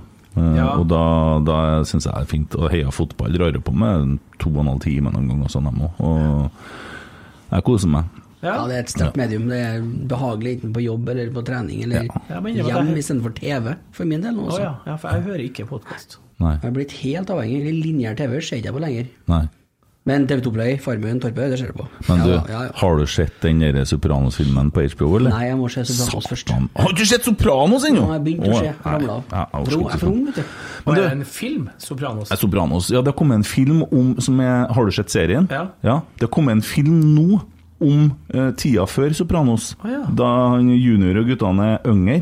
Ja. Og han som spiller Tony Soprano i den filmen, Hold deg fast! er sønn til han som spilte Soprano, som er død nå. Han, Gandolfini? Ja, James Gandolfini. Ja. Sønnen hans spiller en Tony, og den er, Ja. den, er kul, altså. De har det samme fakten, vet du, sånn som han gitaristen til Bruce eh, Springsteen med hendene litt ut når han går. Blues Springsteen? Åh, jeg orker ikke det der i dag. Nei, ikke i altså. dag. Nei, orker ikke. Men du, vi snakka litt om Rosenborg kvinner så vidt i stad, Minni. Ja.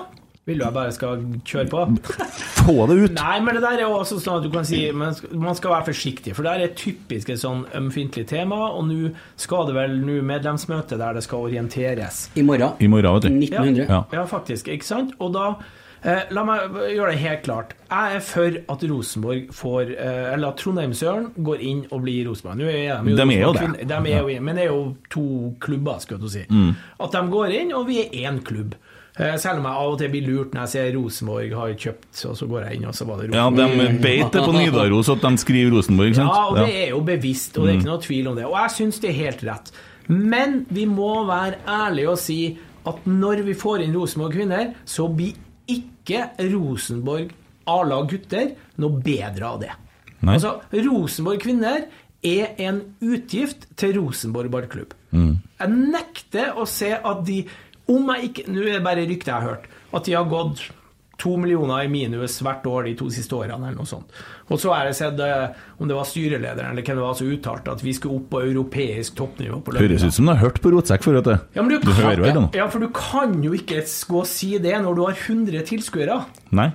Altså, og du har ikke så mye sponsorinntekter heller til å drifte her. Jeg syns det er helt konge at vi får de her jentene. En nabo av meg, og kaptein eh, på høyrebekken, på, bor i samme sameie som meg. Og jeg syns det er helt strålende. Jeg synes det er herlig at de er flinke og kan være forbilder for både gutter og jenter. Men la oss bare være ærlige.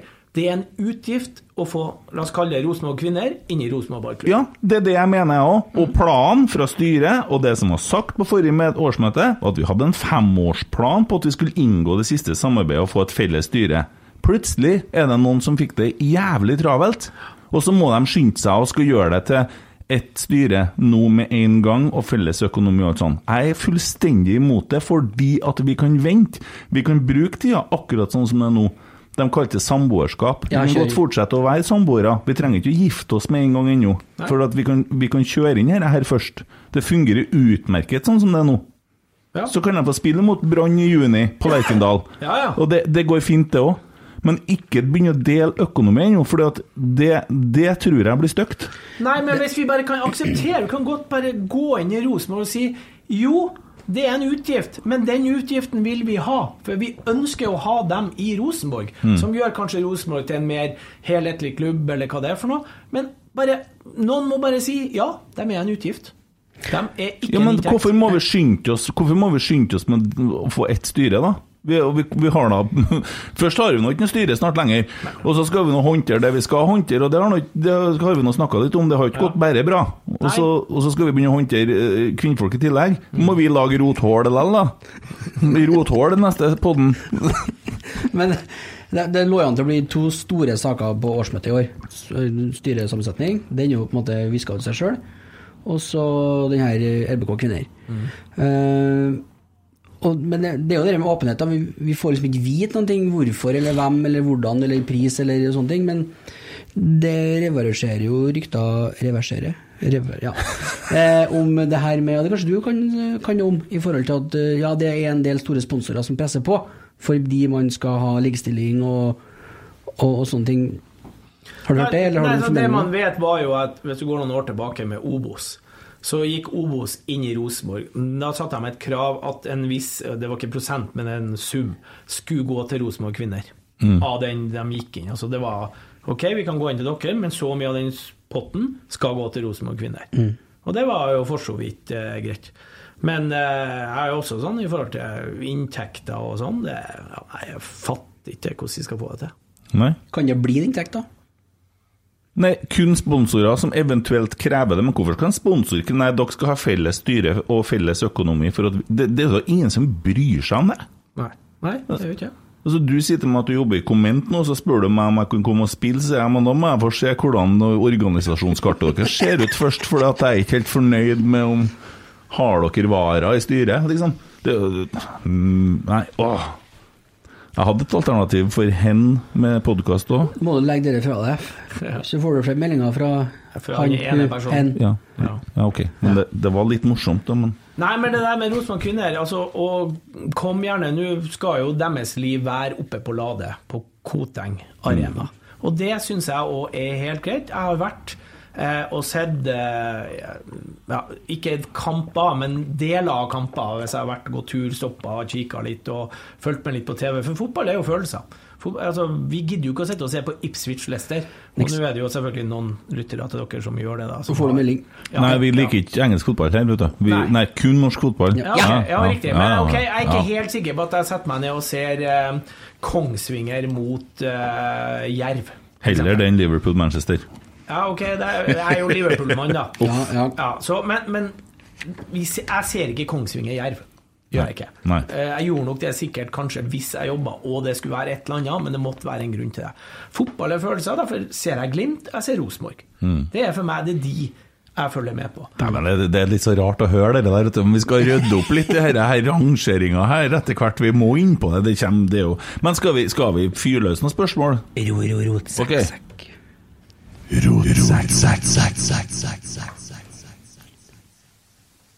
Jeg venter på deg, Emil. Ja, da kjører jeg bare på, jeg. Du er klar for spørsmålsrunde? Du du ser ut som en gutvott med den kapsen på deg. Ja, men det er fremdeles fordi jeg har så langt hår.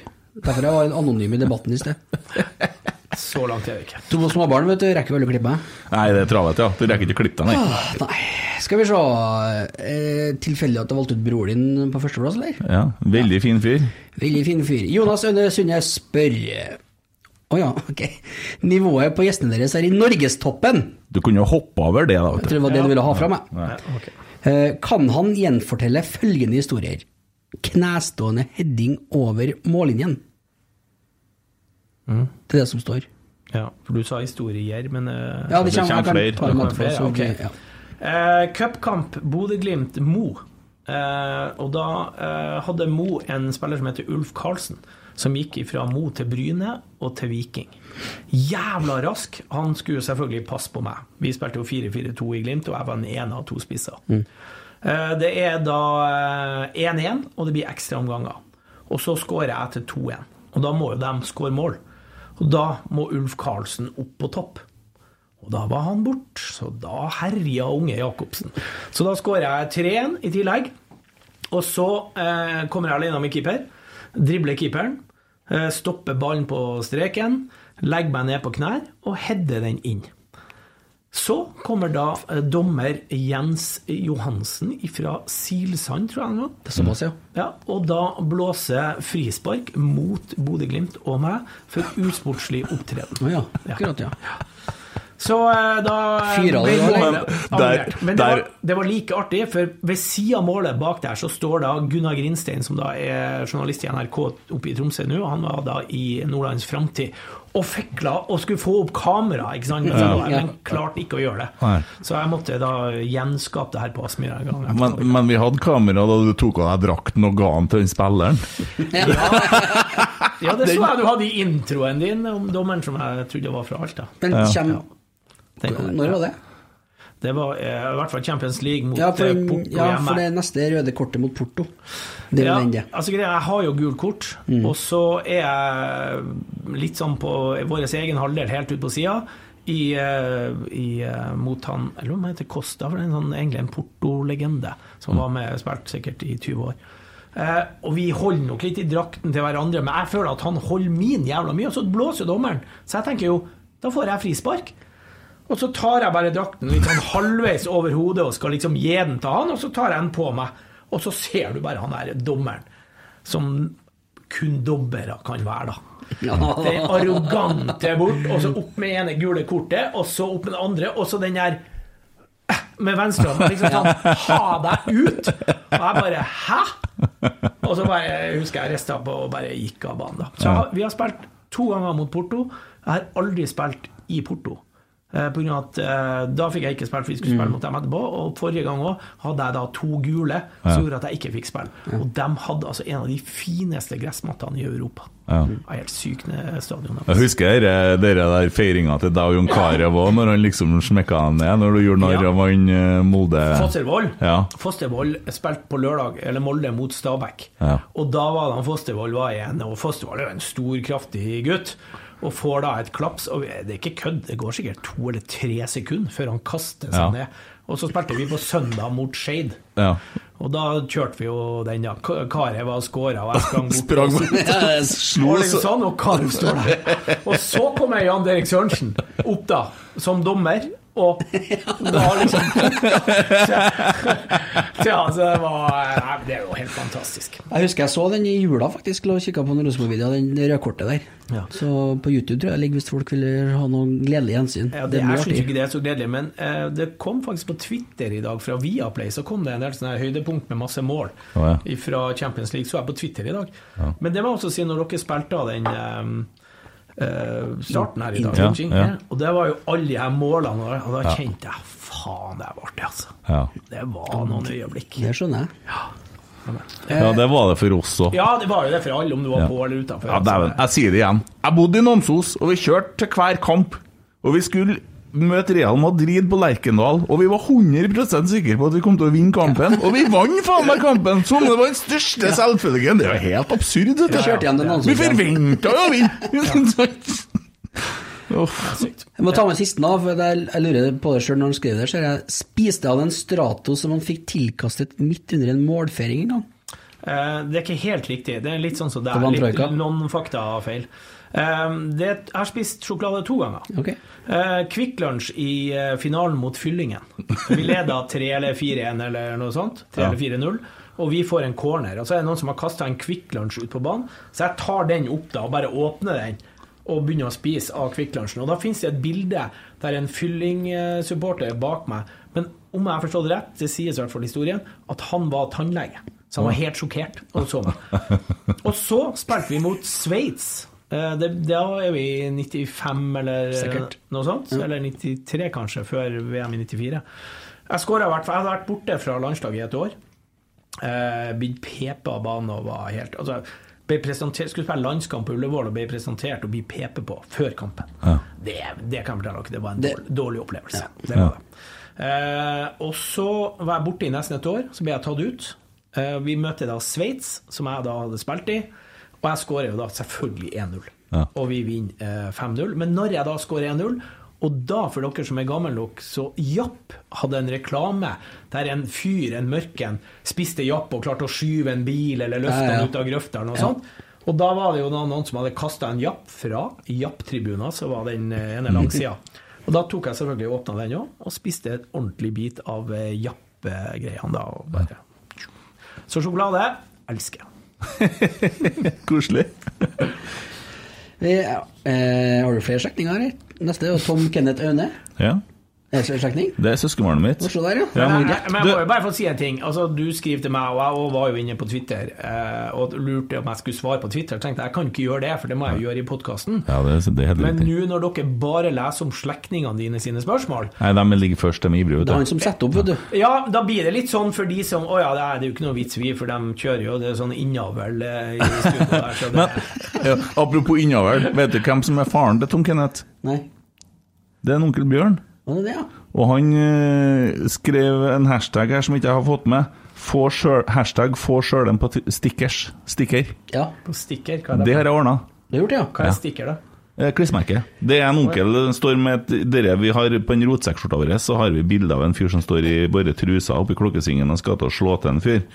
Eh, og det er da min kjære onkel da, fra sin glanstid. Så ja, jeg så bilder i dag hvor han for og sprang sammen med oss og feira seriegull og holdt flagget. Han var ganske, han visste så mye, han. Men ja, Ja. det, det var, det var nå bare det. Men ta peis på, Emil. Dilemma til Mini. Skru tida 25-30 år tilbake. Seriefinale på fullsatt Lerkendal og påfølgende fest på fullsatt Bajasso. Eller cupfinale på fullsatt Ullevål og påfølgende fest på fullsatt Spikersuppa. Du, det spørsmålet så jeg faktisk. Ja. Så der er jeg faktisk forberedt, for da ble jeg litt sånn Hmm. eh, kult. Men eh, selvfølgelig Lerkendal og Bajas. Ja takk. Jeg Ja, følte altså- det var tungt på hennes side, men eh, Nei, altså Cup er jo noe eget, for det skjer der og i nuet, og det mener jeg er helt rett nå. For nå er vel det sånn at cupfinaler avgjøres der og da. Vi får jo spilte omkamp to ganger, og det er stusslig, ja, altså. den er, den er seig. Ja, det er ikke den samme. Men Det var da en onkel sprang med flagget! Det var da han drar med flagget sammen med dere etter den andre kampen. Så kommer det inn noen snakker vi da mot eh, Brann. Omkamp mot ja, Brann. I 88, eller Ja. i 95? Nei, 88. 88, ja. Mm. For da jeg tror ikke vi fylte Og det var jo da snø og kaldt og alt Mm. det der. Og Gjøran fikk en sånn pasning fra meg, han var jo ferdigskåra. Ja, var det. Ja, det Ja, Det var flaksskudd. Jeg og Gjøran var på Lerkendal eh, og med TV 2 hadde et program, han, eh, ikke Atle Antonsen, men han andre, Golden, Ja. eh, der de skulle gjenskape forskjellige idrettsprestasjoner. Og da holdt jeg han Gjøran på ut på eh, det, det, det gikk ikke på første take. Nei.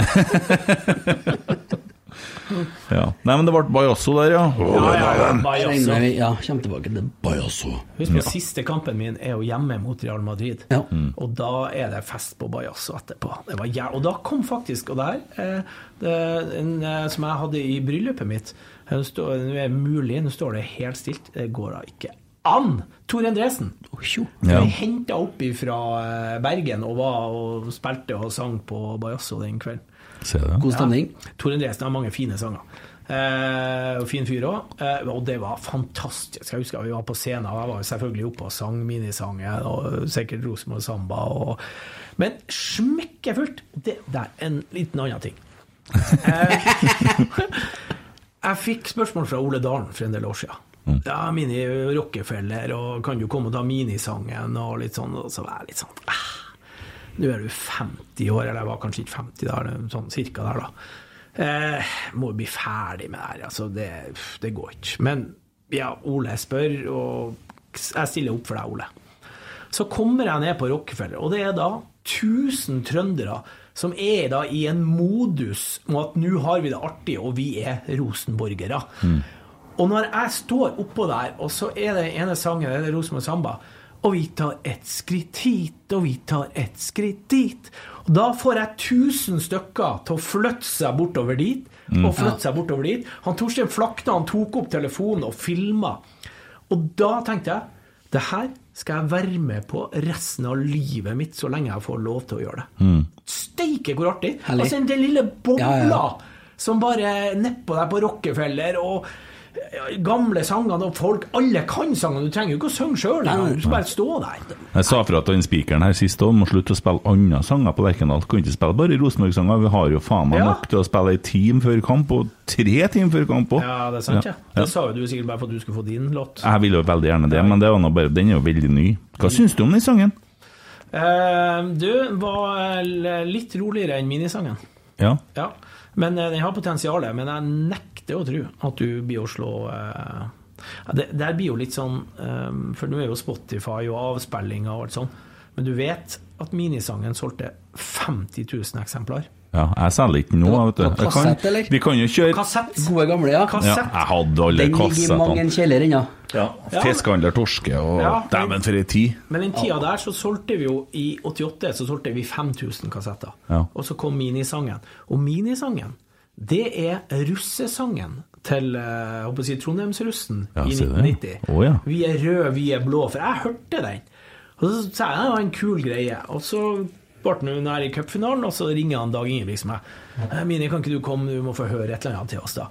Og så oppe i et studio på Flatåsen i en kjeller, hengt opp med sånne eh, laken og alt mulig for å få den rette lyden og der, Mm, så fikk jeg høre den minisangen. Og det var Gunnar Hordvik var jo Ja, ja. platedirektøren. ja. Og han Dag Ingebrigtsen sang da på nordnorsk og litt sånn 'Hva du tror om det her, kan vi gjøre det her?' Og jeg syntes ja, ja, kjempeartig det da, vet du. ja.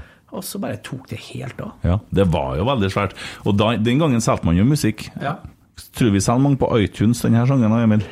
50 var så målet. Nei, 100. Klarer vi 100? Men hva får du eh, når det spilles på Spotify og sånn? Nei, nei, nei, faen, det bransjen er ødelagt. Det, Ja, men noen må jo tjene penger her. ja, det sitter to svensker og tjener penger. På Det- Spotify? Ja, Og de har, mer penger, de har mer penger enn Lennon McCartney. dem. Altså, jeg tjener 0,05 øre per stream, eller noe sånt. Ja. Og for å få et gullalbum eh, så Før kunne jeg selge 15 000 CD-er, sant? Ja. Uh, så, og, og dere der er så Men det er jo min historie, det skal jeg ta senere en gang. Men det er så kjipt, for at nå må, for å få ett salg, så må sangen din streames 1000 ganger. Altså, vi må, for å få det tilsvarer ett salg. Når i faen kjøpte du en CD og hørte på en sang 1000 ganger? Ja, Og så, og så skal du da tre millioner streams. Og du vet hva som skjer da? Jo, det er jo Oslo-mafiaen. og De kjører jo ut artister, og så setter de det på maskingenererte streams, og så står det og spøler av gårde. Så du kan jo kjøpe streams òg, sant? Ja. Ja, ja, det går an. Jeg kan jo komme med sangen min og ha 300 000 avspillinger på måneden. Jeg bør kjøpe streams USA. Koster noen kroner, men for å komme på lista. Men det er så skittent. Så nei, det som er, vet du, det er jo å få Du lager musikk og få opptre for uh, folk, og tjene pengene der. Eh, men all ære, sånn som til Trond Helge nå, som ga ut ny plate nå. Uh, fordi at jeg savner jo, og jeg, jeg, jeg er så glad i sånne album sjøl. jeg har jo vinylspiller og kjøper, kjøper LP-plater og, og, og hører hele plata, for da får du disse sangene sånn som Åge, da. Var det du, Jesus, f.eks.? Har ikke kommet ut i dag, for det er en sånn Det er ikke en singel, det er en sang midt inni plata. Men det er en sånn kul låt som, som kommer i det løpet. Og det mister vi litt, sånn som bransjen er blitt nå. Så jeg håper vi kommer litt tilbake til den derre Jeg så Trond Helge sto og pakka CD og en ting til. Jeg tenkte jeg CD? Ja, det trykkes jo opp litt, for det er jo litt stas, ikke sant. Men, eh, og det er jo noen samlere og sånn, så Men vinyl er på tur tilbake også. Det det, ja. ja. Sjefen min, Endre Storholt, er da selvfølgelig i slekt med Jan Egil Storholt. Jobba i mange år i Rosenborg. Eh, Han har en liten sånn eh, platespiller stående inne på kontoret, og en del plater som han spiller av og til, litt sånn gammelt. det er koselig, ja. Det er litt annen lyd òg. Jeg hører jo på det til deg når jeg har vært på besøk. Ja. Jeg har jo, Det blir jo album nå. Det har jo, har jo blitt litt sånn godfylling. Så album nummer tre kommer i løpet av året. Ja, og du- det blir vinyl. Når du sier det er en annen lyd og koselig. Ja. Det, er jo, det er jo bare stemning. Altså, det er ikke noe artigere å spille på, eh, på grus enn eh, på en fin gressbane. Nei, nei, men det her er, det her er sånn enkelt forklart, da. Eh, Så har du megabyte. En sang kan du si er 75 megabyte. Og så trykker du den til kompaktdisk, så blir den 40. Så skal du ha den på Spotify, så klammer du den ned til MP3. Da sitter du igjen med tre. Da er det veldig mye som er borte. Alt blir trykt sammen. Så du tenker på knitringa? Nei, men lyden Det er mye Alt er der. Du kan er høre ting større på ja, ja, ja, ja, helt klart. Og så der får du jo med absolutt alt. Eller om du f.eks. bruker eh, sånne strømmetjenester, eller kjøper på iTunes eller, sånn, eller Tidal Hifi hva heter det, og sånne ting. Da får du mer, av det større eh, oppløsning. For det blir jo som et bilde. Hadde det vært bilder av her, eller TV-bilde, så hadde vi aldri akseptert det. Men lyden har vi vent oss på, så har produsentene begynt å lagt seg det etter òg. Så det der, det der eh, Men det er noen andre ting. Dæven, vi snakker om mye forskjellig. Det der, det der eh, Jeg sier jo ikke at du lyver, men jeg har veldig vanskelig for å tro det. Mm. At vi da går bakover. Ja, vi gjør det. Musikk Ja. Ja, ja. Det har vi gjort. På lyd, ja. Ja, ja. Når jeg sier at det er koselig, så er det jo koselig for at den står der og spinner. Jeg hører ikke det du snakker om. Jeg hører jo ikke Du forskjellen. hører jo forskjellen. Det sa du jo. Ja, det sier jeg jo bare for at du sånn, ja, det hører jeg. Så, Å, fy faen, du er, men du vet er hva du er? Du er en værhane. Nei, Vet du? du har jo Vet du hva han gjorde han for ti år siden i dag? Nei. Skal jeg fortelle deg? Ja. Han har rodd i 60 dager fra Lagomera til Barbados. ja, 60 dager. Han og en kompis rodd. Rodd? Ja, var med på sånn greie. Fortell litt nå. Vi rodde over Atlanterhavet. Eh, Vi starta 5.12.2011 og kom i mål 2.2. da, i dag. Men er vi i Lagomera? Er det Madeira? Altså Ved Tenerife, ja. Ja, Nabo- Tenerife. ja. Naboøya. Ja, fem meter, det har hørt nå. Ok, ja. Trond Bratland Eriksen rodde jeg med fra Fauske. Det er kanskje ikke så langt unna ja. ja. ja, noen må gjøre det òg, tenker jeg. Nei, ingen, det er ingen plasser det står at noen må gjøre det. Nei, det er kanskje sånn det var, ja. Så det Nei, det var, det var Er du glad for at du gjorde det i dag? Eh, Ja, det, var, det er jeg. Hva var opplevelsen? Opplevelsen er klisjéaktig nok at eh, det å komme seg ut i naturen, og så er det litt ekstremt å gjøre akkurat det der, selvfølgelig, men eh, det å sitte der da, og kun ha fokus på det mest nødvendige. Det er jo framgang. Og så ro tolv timer hver dag på skift. To timer på, to timer av. Ja. Og ikke minst det å få sove nok og få i seg nok næring. Det er målet. Ikke noe mail, ikke noe telefon. Ingenting som påvirker deg, annet enn at du lever med naturen og i naturen. Ikke nok på havet. Du ser aldri land på, på denne kryssinga, men etter hvert så liksom sitter du og finner deg sjøl man har jo GPS med seg, men til slutt så sitter du liksom du ror etter. Husker vi at to sånne antenner, VHF-antenner. For du sitter jo andre veien og ror, så ser du opp. Og hvis du da på natta er vant til å ro fra tolv til to, da, har litt skifta, så vet du hvilke stjerner som skal ligge mellom der. Og da liksom ser du på deg sjøl liksom, ja, nå begynner jeg å bli mandig her, ikke sant? for da, du er liksom en del av elementet. da. Ja, så hvis du da spiste litt, så fikk du sove i en halv time, og så skulle du ro igjen. Ja, maks en time, tror jeg, for det er litt sånn hygienegreier underveis. Og det, er jo, det oppstår en del komplikasjoner med kropp og sånn, ja, litt sy en god del syke. Så, så bra, for når vi ble kjent, så var det sånn Å, si det! 60, og inn hjem, Man ligger en jævlig bra film på YouTube med turen her. For det, de var litt heldige med hun som skulle ha sånn doktorgrad i filmlaging og greier. Ja, og, ja. ja, det er Veldig bra. og vært på NRK og sånn. Veldig spennende å se. Og så går det litt og syns jeg Ro det der, faen meg Tor Eierdal gjorde det uten årer, slapp av. Det, det tok ikke så lang tid for det. Det er jo ikke noe å skryte av. Sett det i perspektiv, da. Jeg var jo liksom markedsansvarlig for, for turen. Det var jo en million i budsjett, og jeg gikk jo på skole den gangen. Og det var jo ute i markedet i Trondheim, da. Henta han en million i sponsorkroner. Det var veldig mye for å Vi var jo ingen. Hvis jeg hadde muligheten i dag, så er det å være hjemme, være i Trondheim, gå på kino, være hjemme med kjæreste og unger. Hadde ikke unger den gangen, men eh, å være her og gjøre det dagligdagse. For du savner jo det utpå her. Det er jo tider utpå der hvor du sitter her og bare sånn i helvete, jeg holder på med nå? Og så er det ikke bare å gå av sykkelen hvis du sykler Trondheim-Oslo, sånn, du må jo stå i det. Men eh, har hatt valget i dag. Vil du være her, samle inn en million kroner, eller sette deg i en båt og begynne å ro? Satt meg i båten 100 100 ganger. Lett. For det er alt. Og det er sikkert opplevd på 70 grader nord. Liksom, det kom seg ut av bobla og gjøre andre ting. Bli en gjeng, bli en del, bli, bli en annen. Og liksom, det, det er Ja, nei, jeg, Givende. Ja, jeg, jeg ser jo den. Altså, absolutt. Jeg har jo definitivt ikke kommet og gjort det der, men det er jo for at jeg er jo veldig bedagelig anlagt. Altså, ja, 71 grader nord, fantastisk opplevelse, men det er liksom en TV-program, og du får gjøre ting som du ikke har sjans å få lov å gjøre ellers. Det vil koste mye å få lov å ligge i ei seng 150 meter opp i en fjellvegg, liksom. Og ja, nei, det var, det var helt nydelig. Nei, Jeg sa men, til meg eh, sjøl etter turen at liksom, nå skal jeg skjerpe meg, jeg skal ta mer vare på ditt og datt og være mer med besteforeldre og sånne ting. Så går det et kvarter, så er du i samme teksten igjen, ikke sant? Men jeg må spørre deg, for at vi feira jo denne tiårsdagen vi, med de sigarene du kjøpte når du kom i land. det var starten, det, vet du. Det var starten Ja, vi det var- feira? ja, Ja, ok, var- Så vi har ikke feira landgangen ennå? Nei, ikke ennå. Nei, Men vi skal ha release-party på fredagen i Boden, eller? Ja, det skal vi ha, i garasjen. En sigar i Boden. Så den er grei. Ja. Det er litt sånn eh, kos, det. Da er vi ferdige med familien til Kent. Og nå kommer lyttespørsmålene, vet du. Den blodfansen. blodfan- blod, blodfansen. Skal ta og hoppe til en uh, Hullsund, kanskje? Ja, kan gjøre. Hvordan føles det å spille med gullhjelmen i Ol- Olbos-ligaen i hockey? Um, vi er nok ikke så høyt oppe som Obos-ligaen. Um, jeg spiller jo for Atlantic Fire and Ice. Jeg spilte ishockey for uh, brannvesenet, som da var Fire and Ice. Og så har vi slått oss sammen, gamlingene, med, uh, med Atlantic Icebreakers. Mm. Uh, og så var det jo sånn at i gamle dager så fikk de jo gullhjelm, den som hadde var største poeng... Ja. hva heter det? Ryan Reynolds here from Mint Mobile. With the price of just about everything going up during inflation, we thought we'd bring our prices down. So to help us, we brought in a reverse auctioneer, which is apparently a thing. Mint Mobile unlimited premium wireless. Ready to get 30, 30, bit to get 30, bit to get 20, 20, 20, bit to get 20, 20, bit to get 15, 15, 15, 15 just 15 bucks a month. So, Give it a try at mintmobile.com slash switch. $45 upfront for three months plus taxes and fees. Promo rate for new customers for limited time. Unlimited more than 40 gigabytes per month. Slows. Full terms at mintmobile.com. There's never been a faster or easier way to start your weight loss journey than with PlushCare.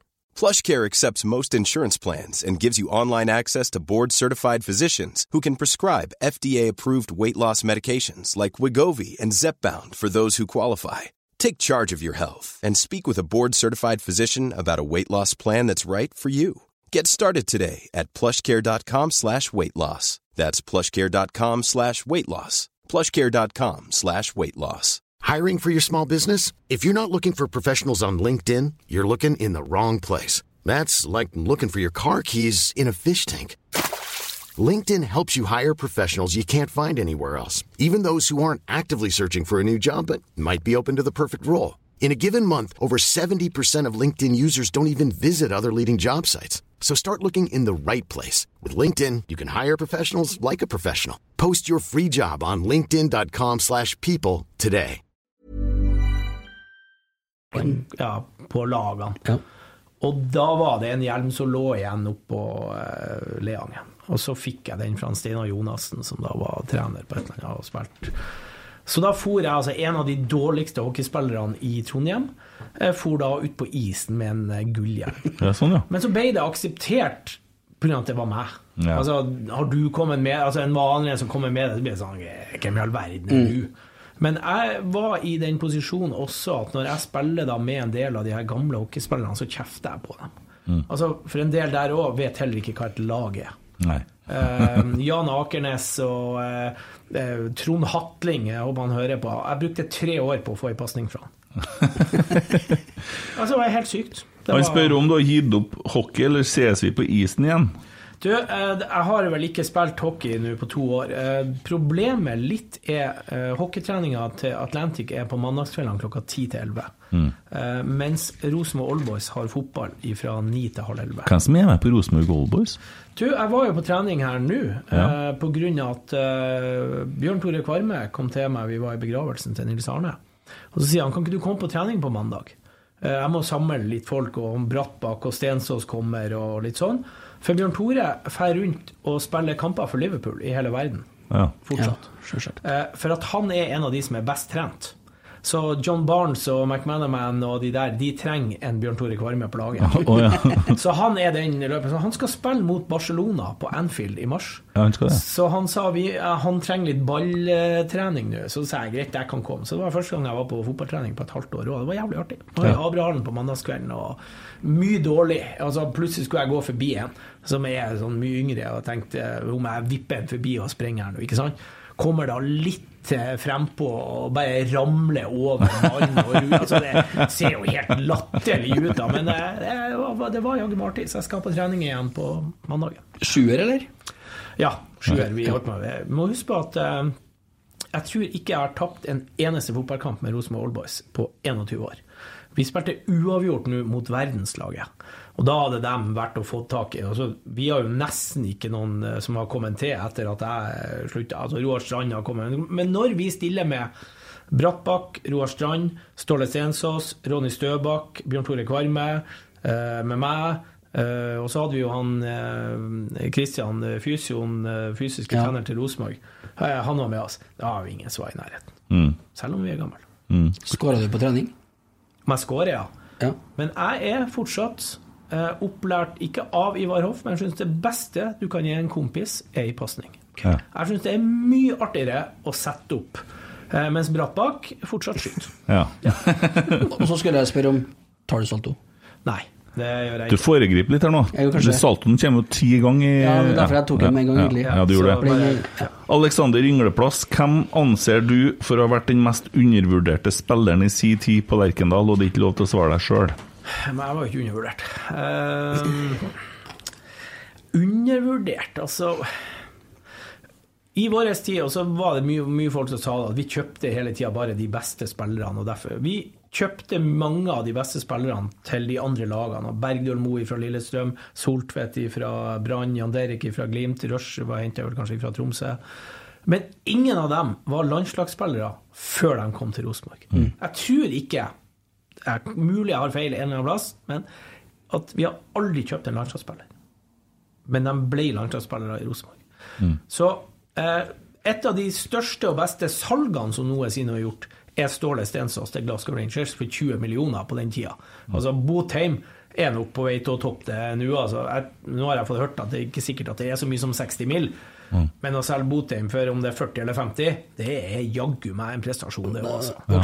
Ja, selv om han hadde en fantastisk sesong. Er I hvert fall bra sikkert at det ikke er 80, for det er noen som har vært melda ja. oppi der òg. De har vel begynt å, begynt å så ned til halvparten, så jeg da. Men, men eh, hjelp meg, da. Eh, jeg klarer ikke å finne Ja, altså, hvem var det jeg tenkte på som var en sånn en som, som var egentlig jævlig god, men som var i Rosenborg på litt feil tid, for det var Hvem det var for noen, det, da? som ikke, altså At han ikke fikk spille? Han fikk ikke spille noe mye, men han var egentlig Han, han forsvant liksom litt, men jeg kommer ikke på navnet, vet du. Nei, altså For meg og Bjørn Tore Kvarme, da Jeg Ja. bruker jo alltid si at eh, ingen vil være høyrebacka, det er jo venstrevinger og målskårere du ønsker å være, ikke sant? Mm.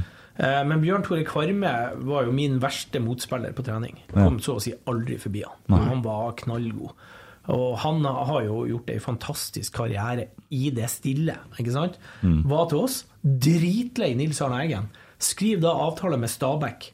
Men skriv i avtalen at hvis det dukker noe opp i desember, så er det lov å rive kontrakten. Får fær til Liverpool og trene i desember.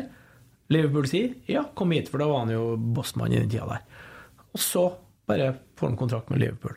Og spiller da også i Real Sociedad og spiller i et par klubber til, og nå i Frankrike var han vel. og Det har vært en grei karriere der, ja. ja, og nå etterpå nå er jo han blitt rådgiver, altså agent. eh, Ja. Sånn. Og en sånn mann er en sånn jeg ser for deg at du som fotballspiller skal ha.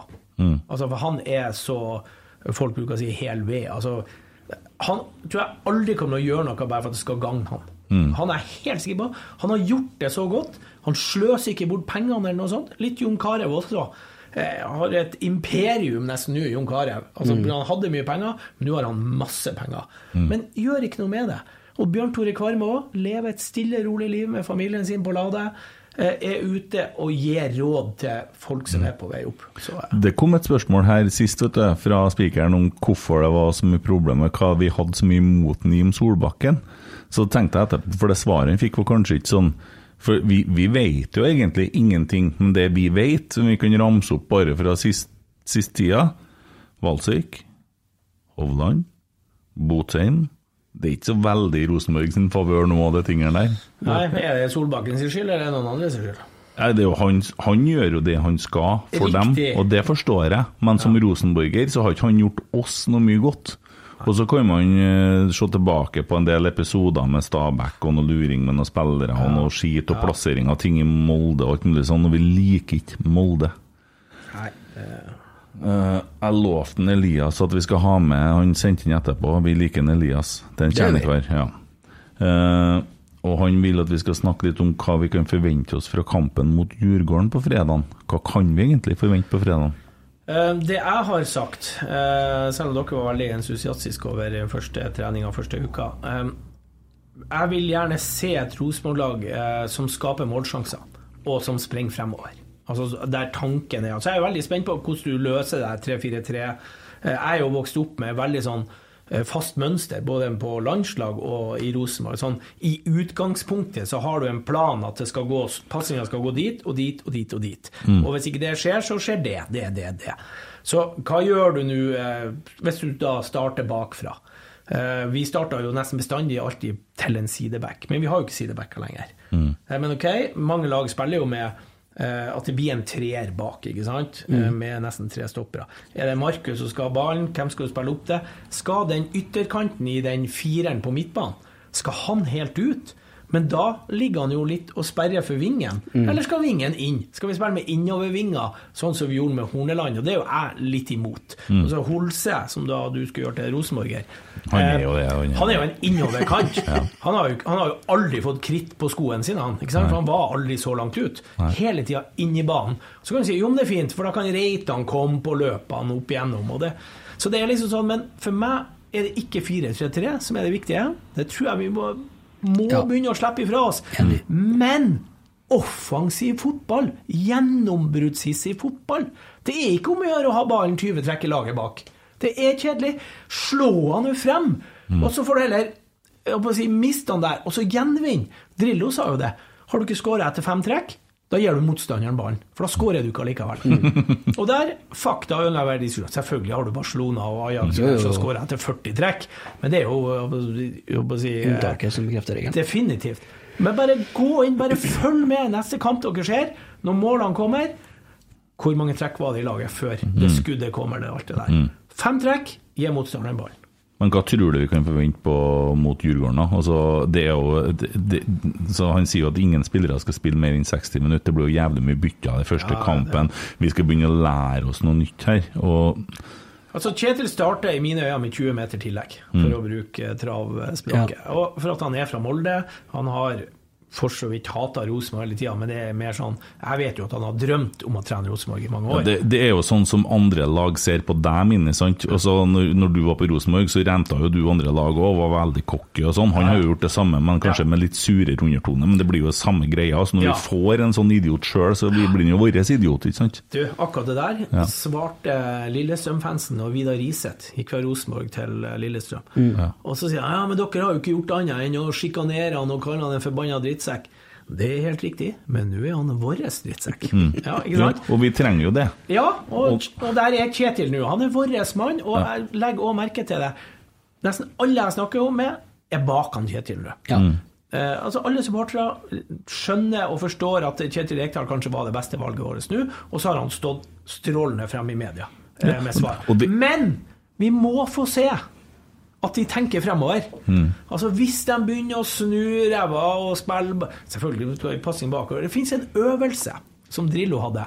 Snakka faktisk med eh, Lars Bohinen, nå, han har også brukt den øvelsen. Det er en helt håpløs øvelse. Men det handler om hodet.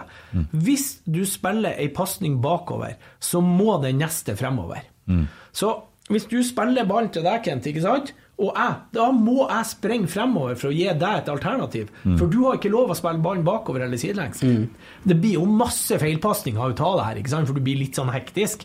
Men det gjør noe med hodet ditt Mm. og mitt. At jeg tenker fremover. Frem, målet er der. Nils Arne Eggen var på, Lerken, nei, på treningsfeltet for mange år siden. Så holdt de på å spille med småmål og alt mulig sånn. Og så er det, jeg hører en spiller som plutselig sier 'Hva er det vi skal gjøre nå?' Så hører du bare fra Nils 'Kanskje jeg begynner å spille mot mål'? Altså, ja, men det er jo det. Ja. Hvis du spiller sånn Folk som spiller sånn her, du skal holde ballen i laget. Du må alltid, om det er trenere som hører på her, du må alltid ha et mål. Du må en plass. Ellers har det ikke noe betydning hvilken vei du snur når du mottar ballen. Om du går den veien eller der. Du skal en plass. Det så jeg på treningene til de eh, Rosenborg nede på Gran Canaria. Så hadde de tre mål. Altså to i bredden og ett midt på. For at du skal kan gå en plass. Mm. Og det er jeg helt enig i. Ja, og så så jeg at de, har, de hadde på en måte tre lag. Så var det ett lag som så spilte de eh, De har et, en keeper sånn der på midten, og så har de mål på siden. Så de var hele tida to lag i aksjon, og det skulle være kun én touch. Og det gikk jævlig fort. Og straks de mista ballen, så tok nesten over. Så var, Ja, sånn, det, det var ganske kult å se på oss.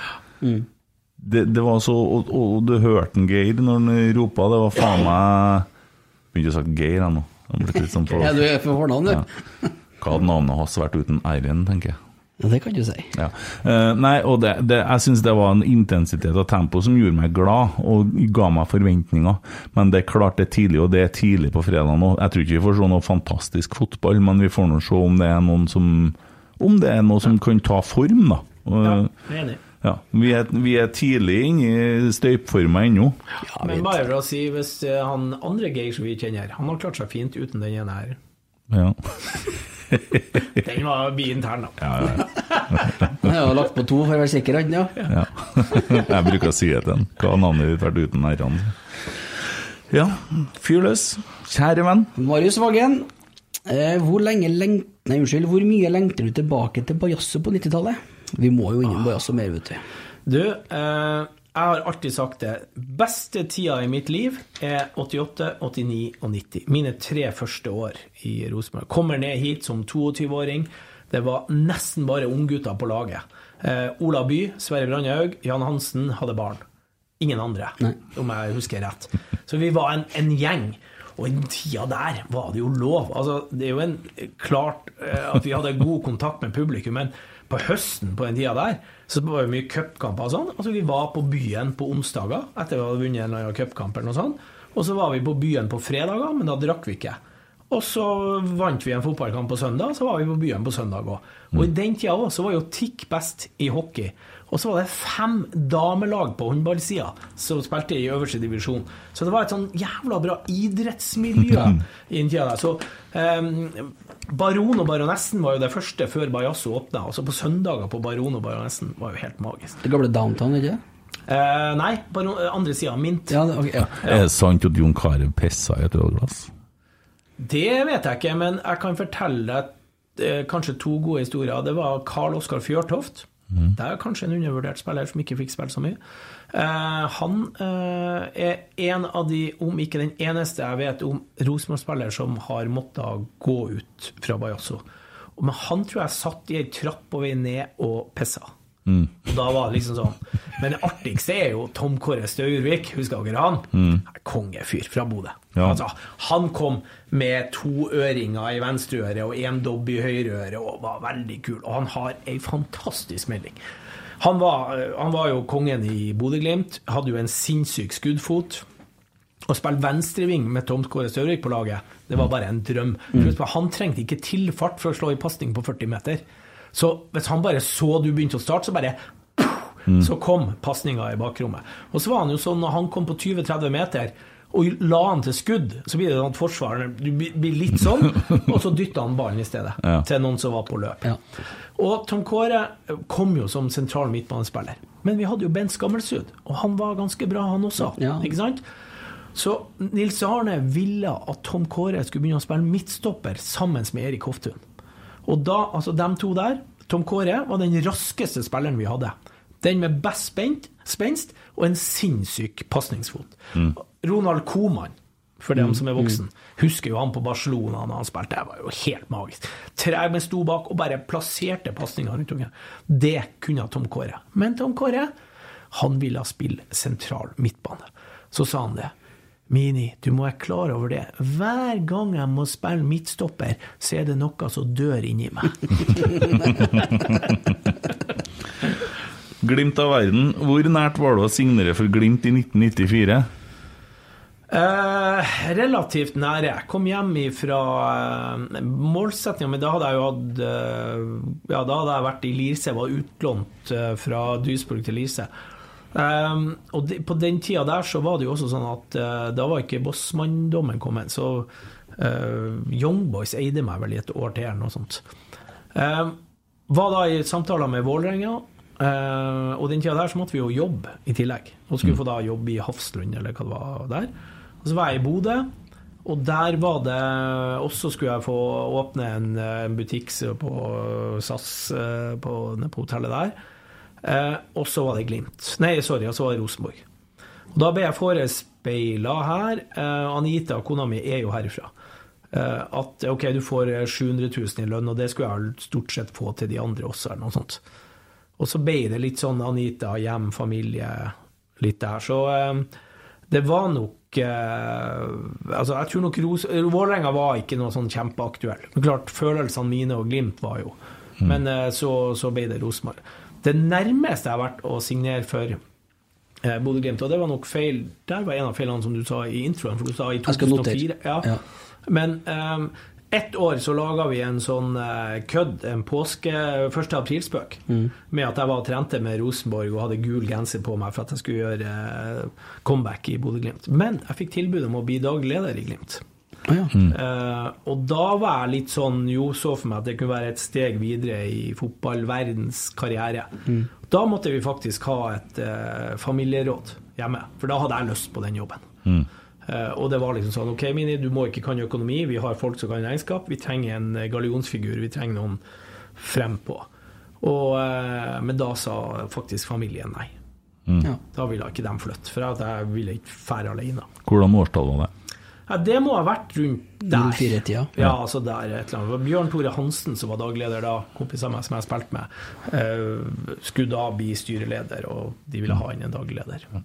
Passer bra med Simon Aunan her nå, for han spør føler du deg mest trøndersk eller mest nordlending. Uh, Jeg er nordlending. Sånn ville jeg født i Lofoten, flytta til Bodø to og et halvt år. Men jeg har jo bodd lenger i Trondheim uh, enn jeg har bodd i Bodø. Og jeg har jo spilt lenger for Rosenborg enn jeg har gjort for uh, Bodø-Glimt. Ja. Så, eh, og det skal sies også, du snakka om i sted, og det var en som hadde skrevet på Twitter her for en stund siden. Glimt-legenden Mini. Så var det en journalist oppe i eh, Bodø som svarte du kan si mye godt om Mini, men noe Glimt-legende er han ikke. For de årene jeg hadde som A-spiller, det var vel fem år, fra jeg var 17 til 22 da jeg kom hit, det er jo den dårligste perioden til Glimt. Altså Vi rykka ned året jeg debuterte som 17-åring. Jeg spilte 1-1 mot Strindheim, husker jeg, på kunstgresset oppe i Bodø. Strindheim røkte da opp det året. Eh, og så røkte jo vi ned da i, på nivå tre, var jo Mm. vi over flere år. Ja. Det var den tida Oluf hadde den Glimt-cruiset, kanskje, å ta vare på det. Det antikk, husker Ja, jeg. sant. det var til og med en spøk om det, for det var Så da, og det kan jo sies at jeg var nok relativt stor i kjeften òg, for da i sesongen 1986, tror jeg, for da hadde vi tapt på målstreken mot Mo på å rykke opp. Vi skulle bare møte Skjervøy hjemme. Vi klarte oss med uavgjort, og eh, om vi tapte, så måtte eh, Mo vinne med seks mål på bortebane en eller annen plass. Vi klarer da å tape 2-1 for Skjervøy hjemme, og Mo vinner 6-0 borte. Så de, de slår oss på å skåre mer mål. Mm. Men så, året etterpå, så gikk jeg ut i Nordlands Framtid, så er det et bilde av meg med en banan i kjeften. 18 kamper, vi kan ta 36 poeng. Så sier jeg vi kommer til å ta 36 poeng, og jeg kommer til å skåre minst 25 mål. Mm. Skåra 26, og vi tok 35 poeng. Ja. Pent. Ja, jeg syns det er innafor. Ja, det er. Det er greit. Og, Men da, og da, det er litt artig, da. Eh, nest siste kamp, hjemme. Eh, vi mot et eller annet lag.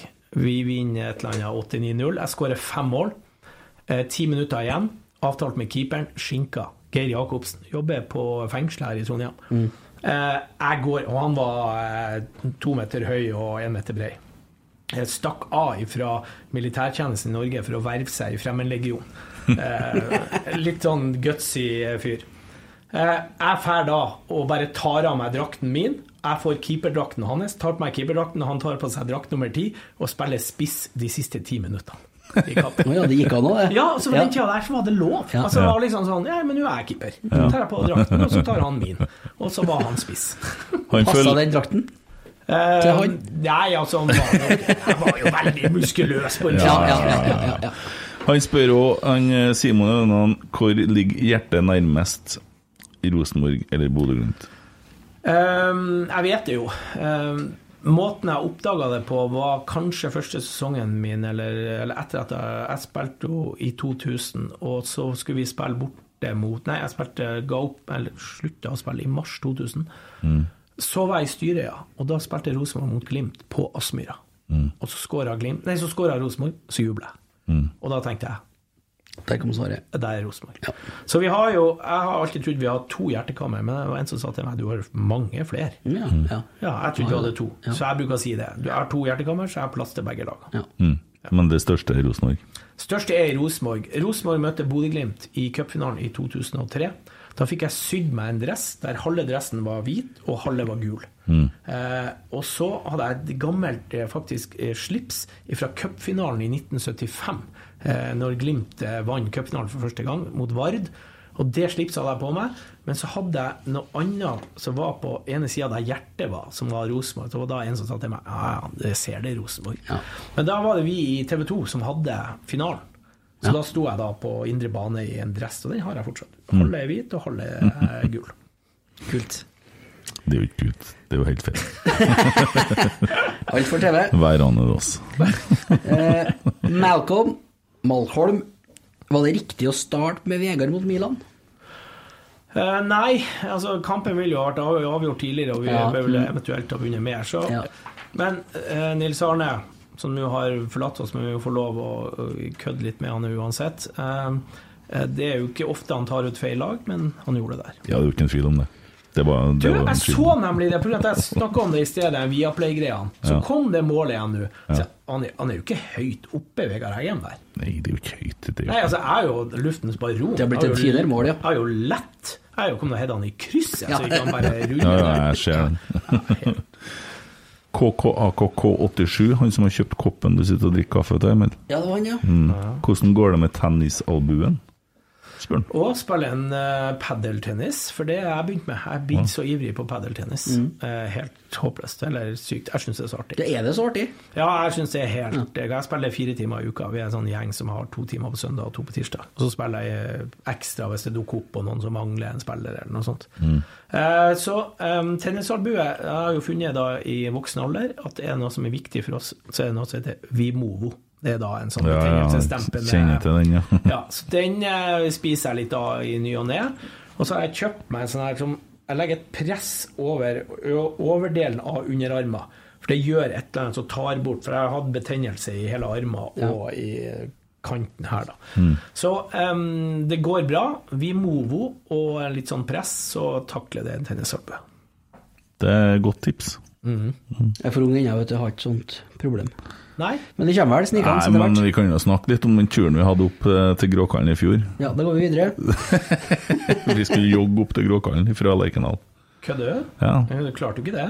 Nei, jeg klarte ikke å jogge hele veien, men ja, Du jogga mer enn meg. han er ti år yngre enn meg, men det så ikke sånn ut da. Nei, men det Nå er jeg jo altså, jeg er relativt sånn ok form, i hvert fall til å være gammel. Eh, men jeg har ikke klart å jogge opp til Gråkallen herfra. Det er et sånt løp hvert år som du har arrangert, ja. så vi hivde oss med der, men det ble en del gåing, altså. Men vi har sprunget to halvmaraton de siste årene, har gjort det. Har det, ja. Det er imponerende. Ja, Det ja. er vilje. Det ble, fikk litt sånn dilla på å springe, men det, var, det hadde dobba litt av. Si som, si som Odd Iversen, det er ikke noe vits i. Altså, en fotballbane er bare 100 meter lang. Ja. yes. Eh, Sondre Brømmer da, han eh, spør om du vil bruke navnet Farmen Mini. Og så må jeg jo følge opp da med Emil Almås, som er en del av podkasten her. eh, Og da i så fall vrake Skal vi stupe Mini? Uh, farmen Mini får jeg Jeg syns jo ikke jeg er verdt å få lov til å kalle meg med å være inne i et kvarter, som vi bruker å si. Eh, skal vi stupe, har jeg en kompis som drar og kaller meg. Eh, når vi snakker om jeg er kjendis eller ikke. 'Å ja, det er du som er fra Skal vi stupe'? Ikke kvitt det. Men eh, til alle dem som hetser meg for det, så sier jeg bare gå opp på timeteren og ta en eh, håndholdt eh, stup fra timeteren. Så kan vi snakkes. Nei, jeg så jo det, det gikk jo bra med dere. Ja, vi vant. Ja. Jeg og Roar. Roar Ja. var litt mer pysete. Det Ja, men det, det er guts i det der, altså. Ja, det er gærent. Ja. Ja. Og gud, hvor redd jeg var. Ja. Ja, det skjønner jeg godt. Det er ikke noe du gjør hvis ikke er kamera. Altså. Og da kommer jo saltospørsmålet. da. Sitter saltoen ennå, spør Malcolm. Du, den har jeg ikke prøvd. Den siste gang jeg gjorde det, var åpninga av Trondheim Spektrum. For da var jeg litt sånn konferansier og litt sånn, og det var masse forskjellige idretter. Og da var det lagt ut ei sånn uh, turnmatte. Mm. Og før åpninga tenkte jeg jeg må prøve det her, og jeg fikk det altså ikke til. Landa litt dypt. Det er jo litt spredt Mm. i det gulvet. Mm. Men så tenkte jeg drit i det. Få på meg turndrakt og sånn, plutselig kom jeg inn, for det var litt sånn ute i kalles, Det er jo ikke i sending, da, men i åpninga. Og da eh, tenkte jeg jeg gjør det, jeg har jo ikke noe å si om jeg ser ut som en fjott. Det er bare artig. Mm. Og spratt rundt som den letteste gasellen. eh, Og bare, altså, for da var det plutselig 2000 mennesker, eller hva det var. Mm. Og da gjør det noe med adrenalinet. Mm. Rett rundt, stående, lande lett. Det var, altså, det var det siste gang jeg gjorde salto. Så jeg kan gjøre salto, ehm, men ikke bare på gress. Det tør jeg ikke å prøve. Nei. Det tror jeg ikke går. Ja, da tror jeg du slår deg i hjel. Den gangen jeg har vært nærmest å gjøre det, var da selvfølgelig i 2017. Da Ja. vi feira 100-årsjubileet. Ja. Mm. Altså når det er 12 000 på Lerkendal når vi gamlingene skal spille, det, var jo, Ja. det sies jo at det var den beste kampen på Lerkendal det året. Eh, og, men Det var vi- artig, da. Det var jævlig artig. Og så skårer jo jeg et sånn kjempemål. Er i sånn stupheading i krysset. Mm. Og da, ikke sant, jeg jubler og sjøl, altså, var et jævla kult mål. Og da springer jeg bortover, og så tenkte jeg Og da så kona mi satt oppe, og hun bare sa nei, nei, nei. Legen som satt på benken, nei, nei, nei. Og jeg springer, og så stopper jeg bare. Så gjorde jeg ikke det. Men det angrer jeg litt på, for da var adrenalinkicket der. Og jeg tenker det skulle jeg prøve. Jeg har- jo ikke noe å si om jeg landa kjempe Altså, Det har bare vært artig om jeg slått meg litt. Mm. For den følelsen tror jeg blir å slite med å få igjen akkurat det kicket der. Jeg husker du stoppa der. Vi ble litt skuffa, men det var, Ja. det var artig likevel. Det var, det var, det var jeg ut, altså. Uh, Almås får et spørsmål til. Ja, nå skal vi inn i litt eh, Vi må ta, kanskje ta for oss det litt, for det er en spennende materie. Redegjør for hvorfor Rune Bratseth er den som er best egnet eh, til å være styreleder i RBK. Ja. Jeg mener altså helt seriøst at vi burde hatt en styreleder som eh, er rosenborger Nå kommer jeg tilbake til det, eh, det ordet der. Vi, Rosenborg er en fotballklubb, primært. Ja, det er en stor bedrift som omsetter for over 200 millioner Mm. og alt det der, men det er en fotballklubb. Altså, eh, jeg fikk en gang beskjed, og jeg har jo et foredrag som heter 'Hvorfor er vi best?' Og da fikk jeg beskjed at, For da brukte jeg å si at vi har ett produkt, og det er fotballaget. Så er noen sier nei, vi har flere produkter, for vi har stadion, og vi har respons... altså, men, men alt handler om fotballaget. Mm. Bratseth sa det til meg, han eh, eh, Hva heter han gamle treneren hans da? Eh, I Werder Bremen. Eh, en legende i Tyskland. Ja, ja. Uansett hva du gjør, så får du svaret på mandag. Og tre poeng Nei, på søndag. Tre poeng trumfer alt. Mm. Og det er de som selger sponsoravtaler, de som skal ha unger på fotballskoler. Alt handler om at det fotballaget gjør gode prestasjoner. Og da syns jeg at vi skal ha en styreleder som kan litt fotball. Mm. Som ikke står og sier at vi spiller som femtedivisjonslag. Men det går jo litt rykter om at det er Rune Bratseth som har vært lekkasjene til TV 2. Det går rykter om at det er han som sender SMS-ene til Kåre. Det, han har fått et litt sånn uh, i, I enkelte grupperinger av supporterne, da, så snakkes han veldig ned. Ja, han har fått mye kjeft i det siste. Og jeg kjenner han Rune, og han Rune er sta. Og jeg er også ganske sikker på at han Kåre har ikke altfor mye positivt å si om han Rune opplevd. Og Rune, Men jeg har et godt forhold til han Rune, og jeg er ikke redd for å si hva jeg mener, og han Rune er definitivt ikke redd for å si Men Rune har et stort hjerte, som vi tre som sitter her, for Rosenborg. Det er det ingen tvil om. Han gjør det for at han ønsker Rosenborg godt. Det er ikke noe tvil om. Og så er det jo ikke bestandig at vi gjør de rette valgene, eller de valgene som jeg og du ville ha gjort, eller er enig i, eller hva det er for noe. Men for meg så mener jeg at eh, Rune Bratseth han, han vil nok ikke ha den jobben. Men han som styremedlem, altså en mann sånn fotballmessig som ingen kan angripe Mm. Altså Han har vært en av våre beste og opplevd alt det der, og vært der. Eh, Så mener jeg at han skulle ha vært ansiktet vårt. Så kan vi ha noen andre som kan eiendom, om vi skal bygge ut eh, klokkesvingen til noen leiligheter og Mm. alt det greiene der. Men vi må ha Vi er en fotballklubb. Og helt seriøst, jeg skal ikke bli det.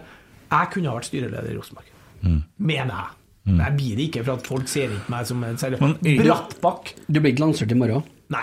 Er ikke problemet vårt litt at det har vært litt for mye Altså, det, det, holdt på å si, det vi har trengt, er jo en kjedelig fyr. Så Det er jo ingen andre klubber der som styrelederen blir intervjua. Hadde jo du vært styreleder i Rosenborg, så hadde de heller intervjua deg enn noen, noen andre. Ja, men eneste gang vi hører om styreleder, er jo når det går dårlig. Hvis laget vinner fotballkamper, så er det ingen som kommer å vite hvem som er styreleder. nei, det er greit. Men det normalt vil jo være å gå til sportsdirektøren og Ja. snakke med han hvis det går dårlig. Men her er det styrelederen. For Mikkel Dorsin han er kjedelig. Han har, gjort, han har gjort det til en greie å være kjedelig, det er jeg helt sikker på. At Ingen han, kommentar, ingen kommentar, Nei, men han har ingen gjort, kommentar. Ja, han sier jo det. Ja, han Ja, gjør det helt, helt overlegg. Men det burde han Ivar ha gjort òg. Ja, det er jeg helt enig med meg. For han har jo skapt mye storm i vannglass, da. Ja, men han er, jo, han er jo litt Nils Arne. Vi er enige om en ting her, og så går han ned trappa, og så er vi enige om at de skal ikke si noe til pressen, og så prater han. Og det liker jeg. Og det skal også være om Ivar. Han har òg et stort hjerte for Rosenborg. Ja, det er det ingen Jo, tvil det er ikke noen tvil om det, Ja. og han har gjort en veldig god jobb. Ja, det er i starten, tror jeg. ja. Jo, men han har jo, han har jo brukt ti år av livet sitt, og han har jo vært her nesten hele tida. Han har jo De har jo tidligst- mulighet til det.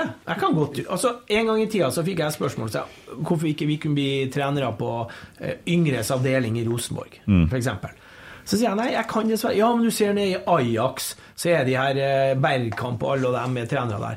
Ja, hvis jeg har vært like god som dem og hatt 50 mill. på en konto og kunne ha gjort akkurat hva jeg vil om dagene, så kunne jeg godt gått og trent 14-åringer. Men jeg er nødt til å jobbe, så derfor kan ikke jeg trene 14-åringer. Jeg må ha en annen jobb, jeg. Ja. Så hvis du gir Jeg forstår det, men, men uh, altså, han Ivar han får nok et litt dårligere ettermæle enn hva han fortjener. Nei, det syns ikke jeg. Ok, du, du er litt sint på Ivar. Nei, ja, for det første så vet jeg hvordan Roar Stjernen fikk sparken. Mm. Og det er helt uenig. Så kan du si eh, han burde jo, han, Ivar mener jo da definitivt Jo, men Det er jo ikke en Ivar som gjør det, det er jo styret som gjør det. ja, Av og til så lurer jeg.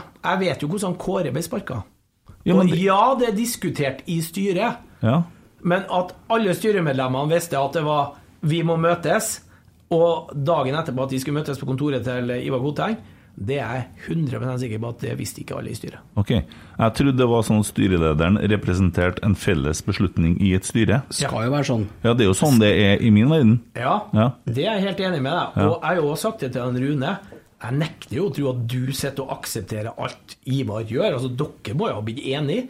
Ja, ja, vi diskuterer og sånn, men Ivar er litt Nils Arne. Altså, bang, så kommer det. Og at han har gjort mye bra, og som du sier, alt det der. Men, Mm. Men eh, jeg orka ikke når det var sist årsmøte, når det var snakk om Ivar Koteng og Nils Arne forsvarte han, og eh, folk gikk opp og forsvarte han. Da hadde jeg egentlig lyst til å gå opp og si å ja, så vi vil ha en som sender tekstmelding til treneren og sier vi møtes og får sparken. For vi vil ha en styreleder som sender tekstmelding under en kamp at eh, ja, ikke noe nytt her. Altså midt under kampen mot Bodø-Glimt, Mm. så blir det sendt en tekstmelding til trenerne. Mm. Altså det, og det var noen andre punkter òg. Er det den styrelederen vi vil ha? Mm. Men så tenkte jeg nei. Altså, for at jeg syns òg Ivar gjør mye bra, men så er jeg ikke enig i alt han gjør. Nei. jeg er ganske sikker på at det er ganske mange som ikke er enig i alt han Jeg har gjort. er enig i det, med deg i det, men jeg må, jo- vi må jo ha en diskusjon her. Og, Men jeg tror uansett at han har fått mer pass enn Ja, det ettermælet er nok litt eh, Det Det er jo nok det veldig siste som skjer, vi Ja. husker, vet du, ikke sant? Ja, men det er jo, mange har jo samme oppfatning av Rune Bratseth. Ja, de har jo det. Ja, han har jo vært i styret ikke sant, i den siste tida her og vært med på de avgjørelsene. Mm. Så la oss nå gå ut ifra at styret er som et styre skal være. At det er diskusjoner innad i styret. Ok, det her går vi for. Men nå sa jo du i sted at du tror at han ikke er, ønsker den stillingen. Nei, han har jo ett år igjen. Altså, han er jo valgt. Og Rune har sagt til meg jeg går gjerne hvis det kommer inn noen andre som kan fotball og har noe altså med fotball å gjøre. Og nå har jo valgkomiteen sagt at de skal ha inn en som har enten vært spiller eller vært mye i garderoben. Og eh, det er ikke meg, det er ikke Brattbakk. Eh, er det Bent Hvem- Skammelsrud? Det tviler jeg på. Er det Gøran Sørloth? Altså, hvem er det? Nei, og det er et skrekkscenario her. Fordi vi har hatt en Tore Strømøy på den her. Mm, Og han er en veldig fin fyr. veldig. Men Veldig. Uh, Veldig fin fyr. Jeg, jeg personlig føler kanskje ikke at han er veldig godt skikka til å være styreleder i Rosenborg. Og jeg frykter at det kommer en sånn benkeforslagrunde, og så kommer Frøya-gjengen med vestene sine, og så jeg, jeg frykter det. De har jo denne Facebook-gruppa til en Dieseldal med 1100 stykker. Spørsmålet er hvor mange av dem som er medlemmer, og hvordan det der blir. Hellige jul, det der også, det Ja, nei, jeg er jo enig. Jeg tror heller ikke Tore Strømmen skal være styreleder i Rosenborg. Det er uh, altfor mye profilert mann, egentlig. Og Nei, og han skulle jo sparke en Dorisin, det var for mye svensker på brakka, det kom med masse sånn. Det Den lista var veldig lang. Woho. Ja, nei, uh, der er jeg jo Jeg tror nok Per Jørgensen, uh, som har vært en mann som er flink å få oppmerksomhet, og, og har nok vært og diskutert med en Tore, vil jeg tro.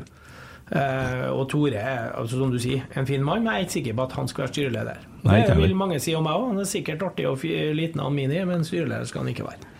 Eh, men hva var jeg tenkte på? Det var noe annet. Farsken, hva var det du sa? Dem, Du skulle òg tatt og diskutert litt med arrangementssida på Rosenborg, hvis du jobber i komment og er litt klovn. Skulle ha kanskje kikka litt på den arrangementsansvarlige biten. Det er jo ei stilling. Ja, men har ikke de eh, ansatt noen på arrangement? Nei, det tror ikke jeg. Jeg tror de har søkt etter arrangement, arrangementsansvarlig. Vi i Komment har vært i diskusjon med Rosenborg angående arrangement. Mm. Så, men eh, hva det er blitt og hva Ja, det da ikke snakker blir. vi litt etterpå, for da har jeg en del gode forslag. Ja, ikke sant. Hvem som skal spille i pausen. Men eh, du, bare for å runde av den styrelederia, du er jo en eh, bettingens mann. Er det, hva er ditt beste stalltips på hvem som blir lansert i morgen? Nei, eh, det første som slår Eller det, er jo en Ole Jørstad, Mm. altså, eh, som er den som kom eh, Om det er har gått til oss, kan det jo også være. Ja. De to tror jeg Jeg tror ikke de klarer å skjule Men vi må jo se altså Klubben, husk på det er Jeg tror det er nesten sju stykker som har slutta i markedsavdelinga i Rosenborg siste året. Det har skjedd, eh, det har skjedd ting der, ja. Ja, eh, og så viser det seg at eh, den ene styrer etter, etter den andre som vi trodde det skulle være, altså Gjersvold, plutselig nei, der vil ikke jeg være. Eh, Samdal. Samdal ville ikke være, og det her var jo folk som vi trodde var klar. Og Espelund var jo absolutt vært Ja. kandidat. eh, Flink. Men, men det, men det tok dere sikkert opp, det var det jeg skulle si. Ola By Riise, som dere hadde her. Ja. Han har òg, tror jeg, vært en glimrende Det er jo min desiderte favoritt når du snakker om rosenborger med verdier og roa og flink med media, kan fotball, flink med folk, har respekt for så, Ja, absolutt. Jeg er helt enig. Ola By Riise, formann i eh, Eller styreleder i Rosenborg. Ja. Ked spurte om han kunne ta over noen oppgaver i Ja, Han har tilbudt meg å jobbe litt i kommunen. 14 dager skulle du få med Ja, ja. Han hadde ikke noe trua på meg, han vet ikke bakgrunnen, vet du. Nei. Jeg er utdanna terapeut, jeg har vært butikksjef, jeg har Nei, det er å ikke få til noe problem. Jeg skulle ha fått det i kommunen. Ja, altså En fyr på tromma skal slå ut en trubadur. Hallo? Han er jo vant med å sitte bakerst Ja, i lokalet. Ikke sant? Ja. Og keeper og alt sier jo Ola er bak, men allikevel så vil vi ha han frem. Mm. Nei, Ola, Ola, er en, eh, Ola er en bra mann. Men det er jo, der er jo for at jeg er eh, Jeg vil ha den fotballmannen i styret. Og der har du klokskapen litt til Nils Arne og Ine Ola. Dere, dere og dere som er i det fra kullet der, fører jo med dere en arv som dere nesten er forplikta til å gi videre. Men hvor vanskelig er det å skjønne at fotball skal spilles fremover, og det handler om eh, målsjanser? Veldig vanskelig virker det som, for det er lenge siden vi har sett Ja. Ja. klarhet i det der, altså. Jeg husker, eh, Nå husker jeg ikke hvem som var trener. Eh, Ranheim var oppe. Hvordan år var det? Målen? Hva er Målen, da? Nei, jeg er i Ranheim, ja, men hvem som var trener i Rosenborg? Å ja.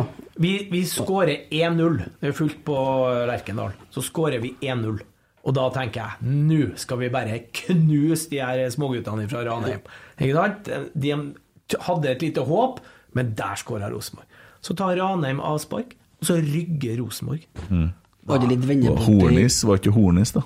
Jeg vet ikke, ja, Da ble jeg bare seriøs. Nå skal du jo feie over dem, og så kommer Reginiussen selvfølgelig og igjen igjen. Ja. Eh, Markus Venn Halseth, fortell om gutteklubben Sex. Hva faen er det? Hva i all verden? Eh, Nå er vi tilbake til 88-89, jeg tror det er 88. Eh, vi snakka om det tidlig, der at vi var mange unggutter og uten kjærester og alt sånn. Så da var han Kåre, det var meg, det var han Kalle, det var han Perry, Arne Lind. eh, I hvert fall oss. Vi møttes, og så så vi Blues Brothers en gang i uka. oh, ja. eh, vi guttene der. Og så eh, laga vi da gutteklubben 6. Mm. Og laga oss visittkort og greier. For vi var jo single gutter. Det var alvor. Eh, Så det var gutteklubben 6. Ja. Eh, Men så tror jeg det gikk et kvarter, og så møtte han Perry og svenske som han er kona som han er sammen med. Eh, Kåre fant tilbake til Mette. Eh, og Jeg møtte jo plutselig Anita på en semifinalefest her, så Ja, det, var, det var på Bajas, og det òg, sikkert. Du, eh, nei, det tror jeg faktisk det starta på Baronen. Vi slo Start 5-0. Ja. Det var første gang Anita var med meg hjem. Å ja. oh, ja. ja. Eh, og vi sneik oss hjem i en taxi. Eller vi skulle på et nachspiel, og så var det sånn Hvor skal vi? Og så kom vi Da bodde jeg på Lade. Jeg og Ørjan Berg bodde i Jarlsborgveien. Ørjan i andre, jeg i første. Og så kom vi i det krysset Innherredsveien der, om du skal Og så var det Ja, hvor skal vi? Så taxibilen Nei da, venstre! Og så opp til oss, da. Og da Anita var med inn, hun skulle på jobb, drev Oscars på eh, Trondheim Torg. Eh, og da når jeg var, så gikk hun og la seg i senga, og jeg var sikkert og gjorde et eller annet, og så kom tilbake, og da hadde hun pakka dyna rundt seg, så så ut som hun var vakuumpakka. Det var en liten nordlending som skulle få slippe det her, altså. Så da hun sto opp om morgenen og for på jobb, og så var hun på jobb, og så kom en kompis av oss da på dag. Hvor du ble av deg i går, da, sier han til Anita. da. Mm. Nei, for jeg meg. Ikke prøv det. For han hadde satt seg i taxi på kvelden sammen med noen andre. Ja. Og så faen ble han Mini, så er det bare taxisjåføren snur seg. Nei, han for hjem med det lyshåret her, han. så det var Ja, ja. Ja. ja. Så da måtte du begynne å jobbe litt, da, for å Ja, for Få av vakuumpakken, ja. Få av vakuumpakken, ja. Ja. ja. jeg måtte det. Litt. Men jeg skjønner jo at pakket seg inn hvis du sjekker opp med gutteklubben Sexkortet på Baron. Men hvor lang er hun? Anita er i 60 eller noe sånt. Ja, så dere du, du er lenger inn, ja, liksom? Jeg var sammen med ei da jeg gikk i 9. klassen i Bodø. Ja. Da var jeg sammen med ei som var lenger enn meg. Ja. Eh, eh, Hvor høy var du da? Nei, altså når jeg begynte i første klassen, så var jeg 1,13. Sånn som Tommy, Ja. Så, så jeg, var, jeg var mindre på den tida enn jeg er nå, da, i forhold til Ja, andre voksne. ja. Eh, Og da var det liksom sånn Så hvis jeg, når vi skulle kline, jeg og Kristin, så måtte hun sitte. Å, fy faen. Skal vi se, Trollunge spør eh, hvorfor ble ikke han midtstopper. Det trenger vi ikke snakke om, kanskje. Hvorfor ikke midtstopper? Nei, han skulle bare ha med et spørsmål. Ja. Ja. Hopp til Markus, du, Emil. Markus Henriksen? Nei, Olsen. Mulig, ja. Den kan du ta, for at okay. har Hvem er den jævligste motspilleren du har møtt? Eh, bare for å være litt sånn eh, cocky, så bruker jeg å si Amoros på Frankrike. Mm. Eh, var bra. Han eh, stakk oppover og var brukbar. Eh, men eh, jeg holder fortsatt på Bjørn Tore Kvarme. Eh, men det var jo bare på trening. Ja. Og så hadde vi en eh, andre slash tredje keeper i en periode som heter Tom Darell. Sønnen til oppmannen vår, Atle Darell. Og han var 2,10 lang, ikke noe sånn atletisk.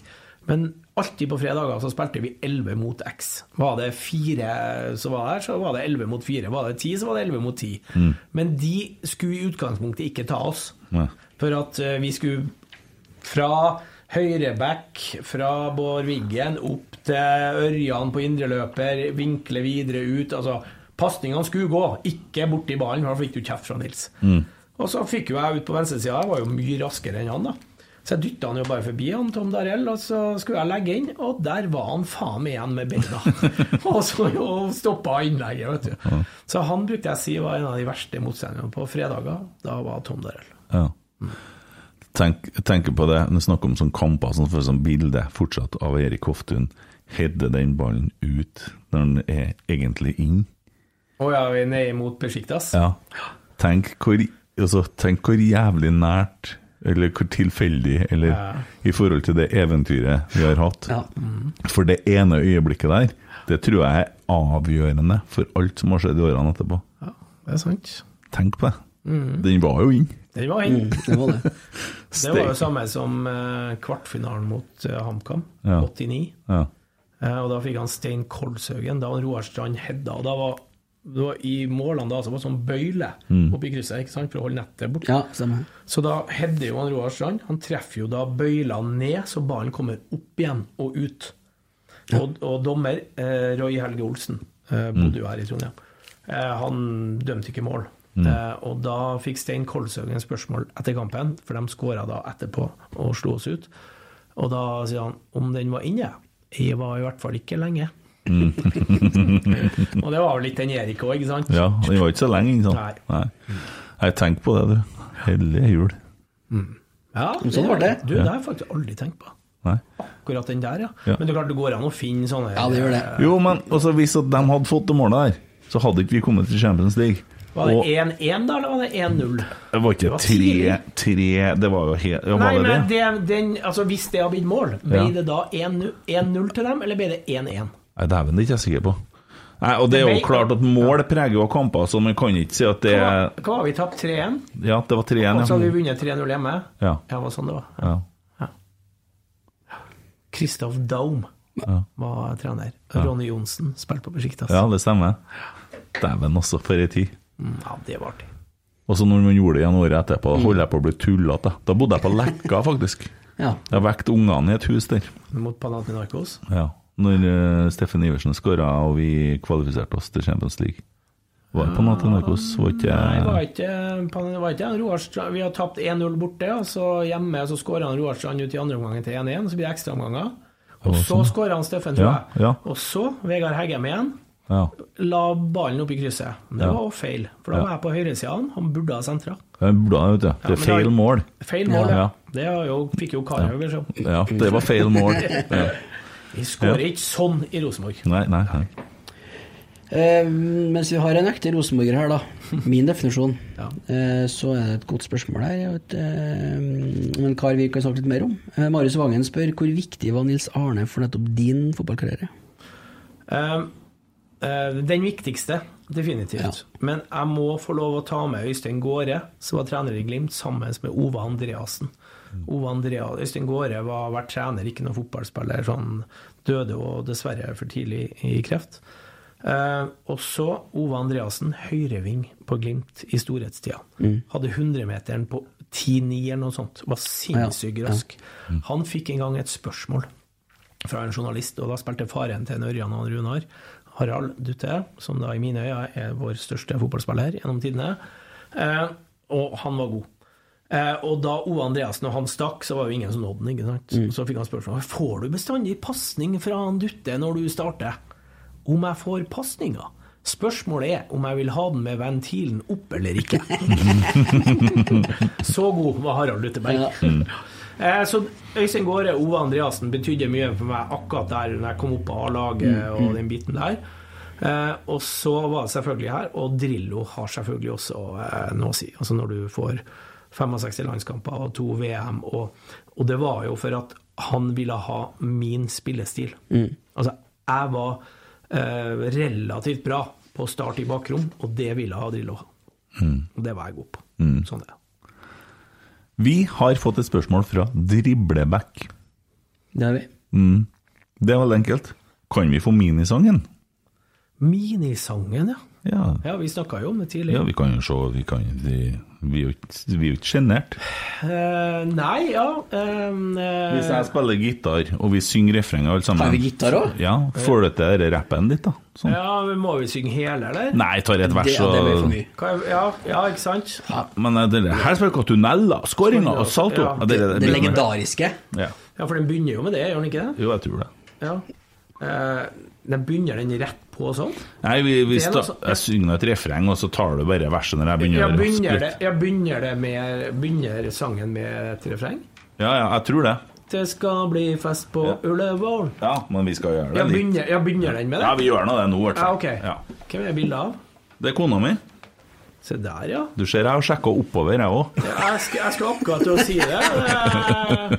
Eh, Du har vært eh, Ja, du er sikkert ganske snill.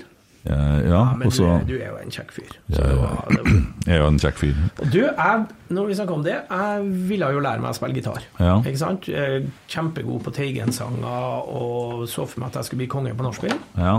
Eh, Fikk med meg Dag Ingebrigtsen Ja. ned på 345, er det dere sier? Eller Ja, ja, 345? til- ja. 345. 345, og plukka ut gitar til meg, eh, skifta strenger, og fikk beskjed om å gå hjem og øve på 'Knocking on Heaven's Door'. Ja. Så jeg dro jo hjem da, og satt jo 'knock, knock', 'knocking on heaven's door'. Ja. For jeg fikk beskjed, kan du tre grep, så er du home safe. På nachspiel, ja.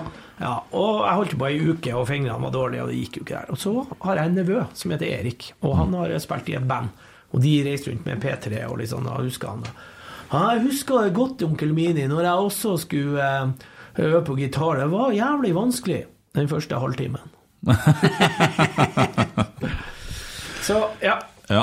Skal vi stunte deg rett i begynner vi med refreng, var det? Ja, vi gjør det. Jeg bare drar på med det vi er avhengig Men jeg, jeg gjør ikke noe på verset, altså. Men da kan jeg lage en sånn Ja, og det fine, vet du Når jeg opptrer Jeg får jo lov å synge på Juledalen sine Ole-konserter Ole-konserter Ja. Juledal, Ja. og Juledalen sine Ole-konserter Du sa faktisk det! Ja?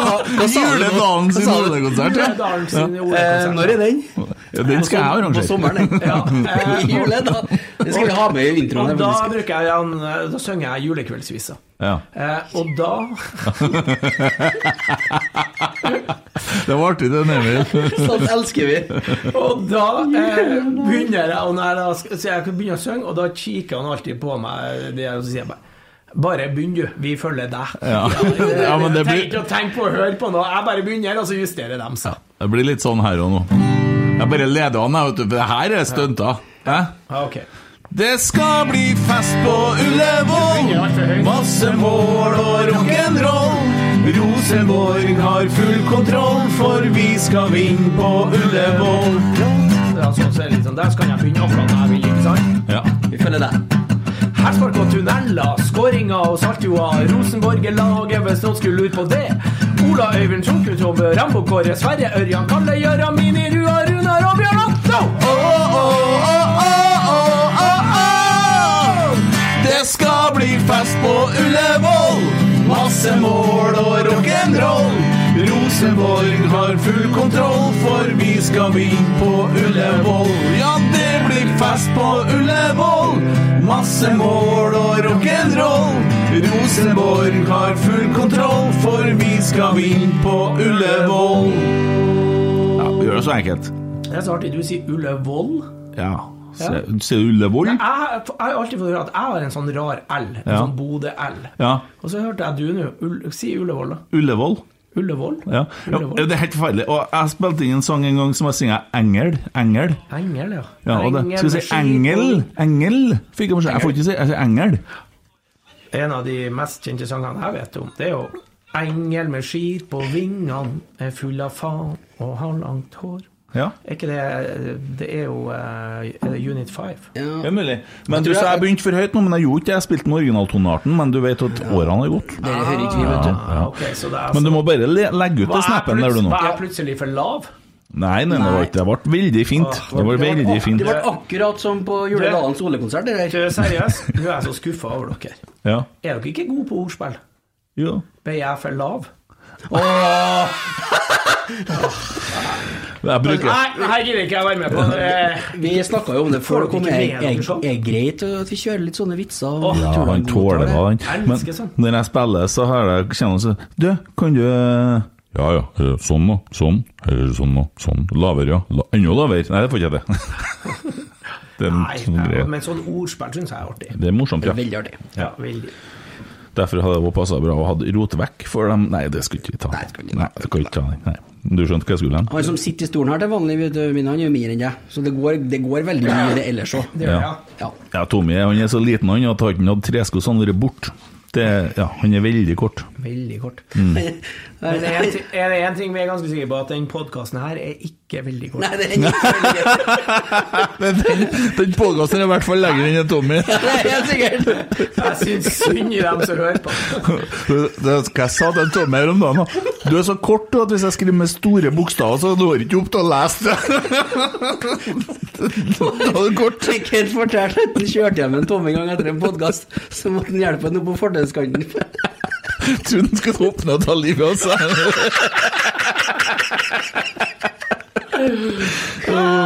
Sikkert, altså. Nå ble jeg svimmel. Jeg bare leser litt. Jeg er en som sier Har du en, nå endelig hørt Darkside? Ja, det er jo da eh, der igjen uh, Torpe og Ja. Tomine Harket. Ja. For jeg lurte på hvem det var. Jeg, visste jo, jeg vet jo selvfølgelig Morten Harket og a-ha. Jeg liker jo a-ha veldig godt. Ja. Veldig godt. Eh, og og eh, så spurte jeg henne, da, og så ble det litt sånn Ja, jeg hadde jo da en eh, låt som hadde vært streama 300 millioner ganger, da. Mm. Men det skal sies at det er jo sammen med Kygo, Okay. Nei, Walker. Nei, Alan Walker Alan. Walker. Ja. Og nå er den streama over 400 millioner ganger, fikk jeg. jeg ja. nå. Jeg slutta å høre musikk, ny musikk i 1992, jeg, vet du. Det, ja, Jeg var, jeg var glad i Tiskuddet. ja, jeg Jeg, jeg hører på liksom populærmusikk. jeg. Men vet du, jeg fant det på YouTube. Det ligger ute en sånn gamle Ti ti skuddet? skuddet-klipp. Det går an å høre, så har dere ti, ti i skuddet, i skuddet. Ja. Ja. Så satt vi hjemme med kassettspilleren og tok Ja, tok opp. Mm. Ja, akkurat. Det var herlig. Det var trollene som spurte om den darkside-greia. Mm. Uh, Jørn Sund Henriksen, dæven, nå må det så ha rett, for det her er viktig for Twitter-framtida vår. Ok. Cupfinale 2022. Fordi at den som er nå i år, du, i mai, det er jo 21-finalen. Så den etter der, da. Glimt RBK. Hvem holder du med? I 2022. Mm. Ja, for han var presis med det. Men kommer det til å bli en cupfinale i oktober òg? Men Er det bestemt nå? Jeg vet ikke. Nei. De får da ikke til noe av denne gjengen til han høttnaboen der, han Svendsen. Eh, men det her har vi jo hatt. Ja, Altså, i og vi holder med Rosenborg. Vi holder med Rosenborg. Ja. Vi gjør det. Ja. Kjenner et veldig enkelt spørsmål fra Mathias Fagereng. Beste RBK-minne? Eh, Det er jo ikke så mange av dem. Nei, men jeg bruker å ta det, og grunnen til at det er det her, for at det er det første. Det er den semifinalen mot Start eh, på eh, 18.9.1988. For det er jo det første jeg opplever. Det er altså øsende regnvær i Trondheim. Det er 22 000 tilskuere på Lerkendal stadion. 0-0 til pause. Min gode venn Totte står i mål før start. Bodø, som jeg vokste opp med, og som første som jeg skulka skoler sammen med. Og litt sånn. Han står i mål for dem. Jeg skårer jo da 1-0 og 2-0. Og 22 000 tar den. Mini. Mini. Det kan jeg fortelle dere er jævlig deilig. Det, var, det var den første opplevelsen min, og så skåra han Gjøran tre etterpå, da, så vi vant 5-0. Mm. Og da Bajasso sammen med Anita i taxi hjem den 19. Mm. Så vi har egentlig 19. som dag, vi. Å, dæven. Det, det skjedde allerede i 88. Ja, ja. Du kom til Trondheim morgen, jeg er dame med en gang. Ja. Uff. Vært sammen med Anita i 33 år. Det er lenge, det. Ja, veldig, veldig lenge, Veldig faktisk. lenge. Det er veldig lenge. Ja, det er veldig lenge, ja. Ja.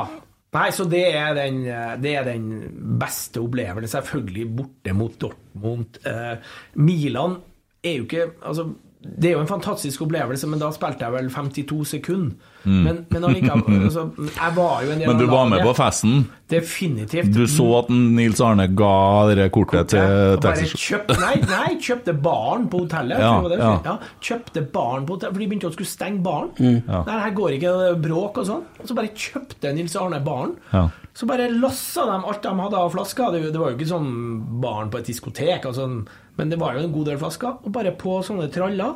Og så kjørte vi ned i kjelleren, og der kunne vi få lov å holde på så lenge vi vil. Ja, herlig. Ja, det var fantastisk. Nils Arne var fin der. Det var som når vi slo Besjiktas den gangen. Ja. Og Da måtte vi jo være på hotellet og hadde noen vakter, og sånn, og de passa Mm. bare på at ikke vi hoppa ut i kanalen der, da. Ja. Eh, og da satt vi og drakk, og sola kom opp, og japanske turister begynte å stå opp i syvtiårskabil, og da kom vi og stupa ut i bassenget med klærne, og Det var helt fantastisk. Det var, jo, det var jo første gang vi kvalifiserte oss, ikke sant. Ja. Så det var artig. Herlig, herlig. Gikk an for et sjø. Ja, det hadde ikke gått i dag. Noen hadde blitt krenka. Ja. men det hadde jo ja, Noen hadde blitt veldig fornærma. Men tenk deg hvis jeg har fått Twitter og alt det der på den tida der. Jeg har jo kommet til å bli kalt inn på kontoret hver dag. Ja visst faen. Og hen hvis det har vært Facebook og kamera på telefonene. Ja.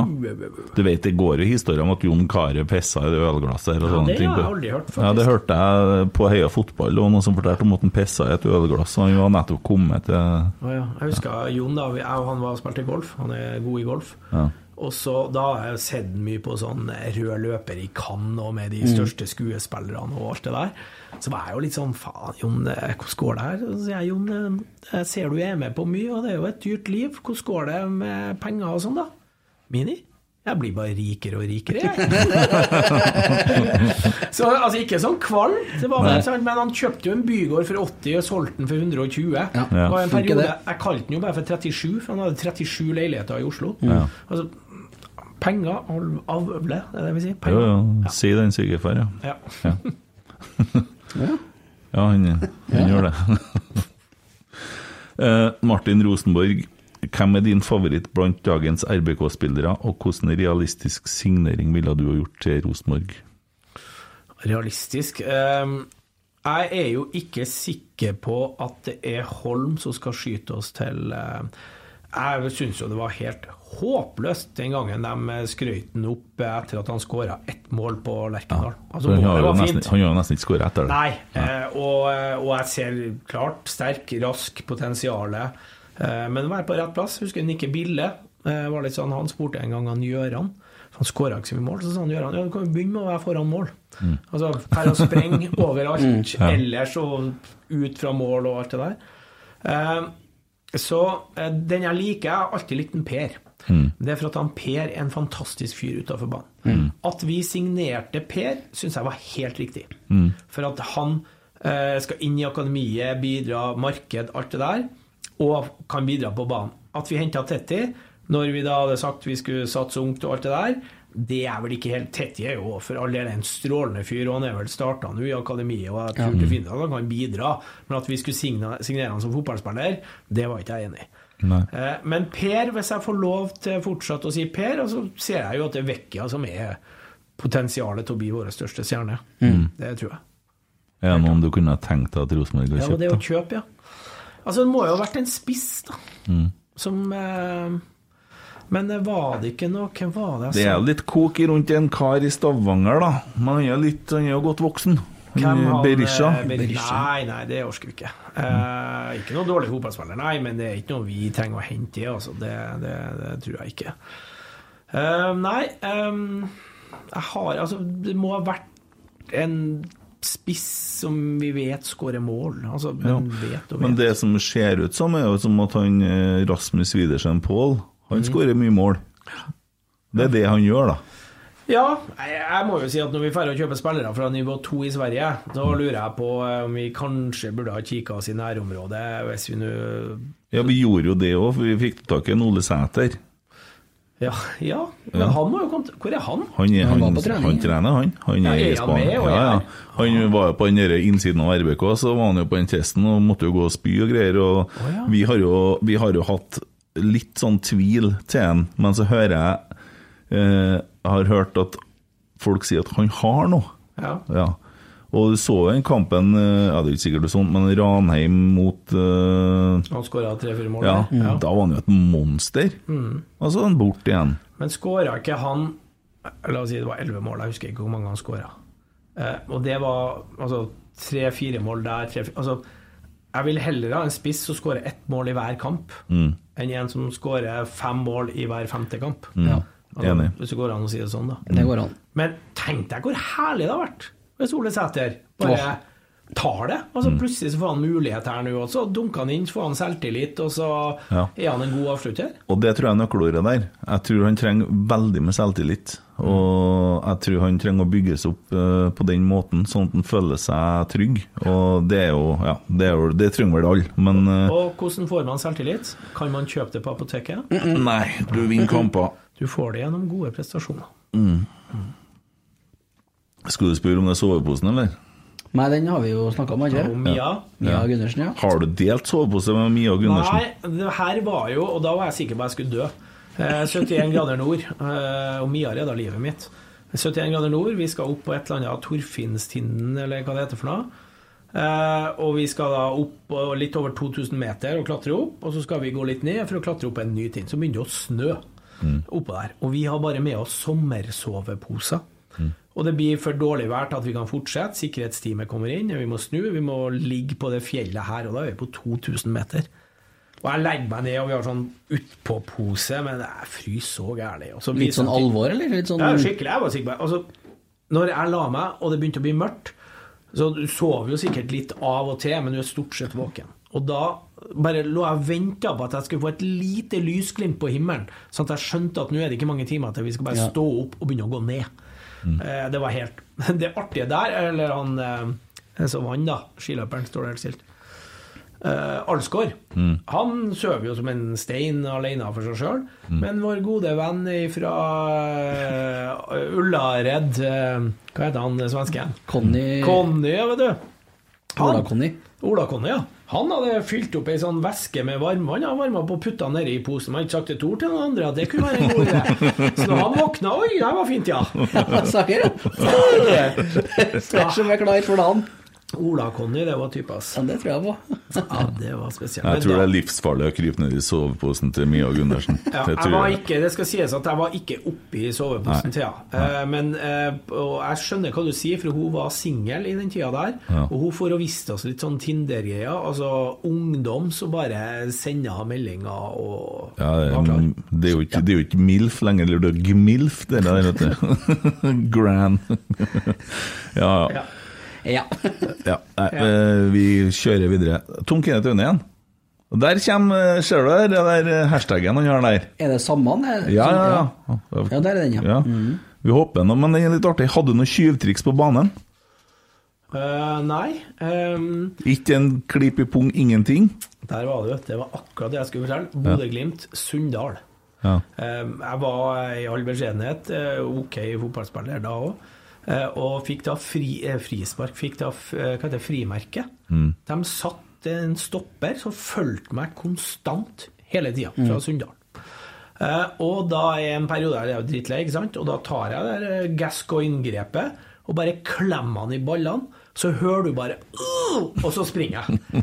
og, og så går det litt sånn, så hører jeg bare stegene kommer. Tenkte jeg, nå blir jeg bare mosa ned. Nei da.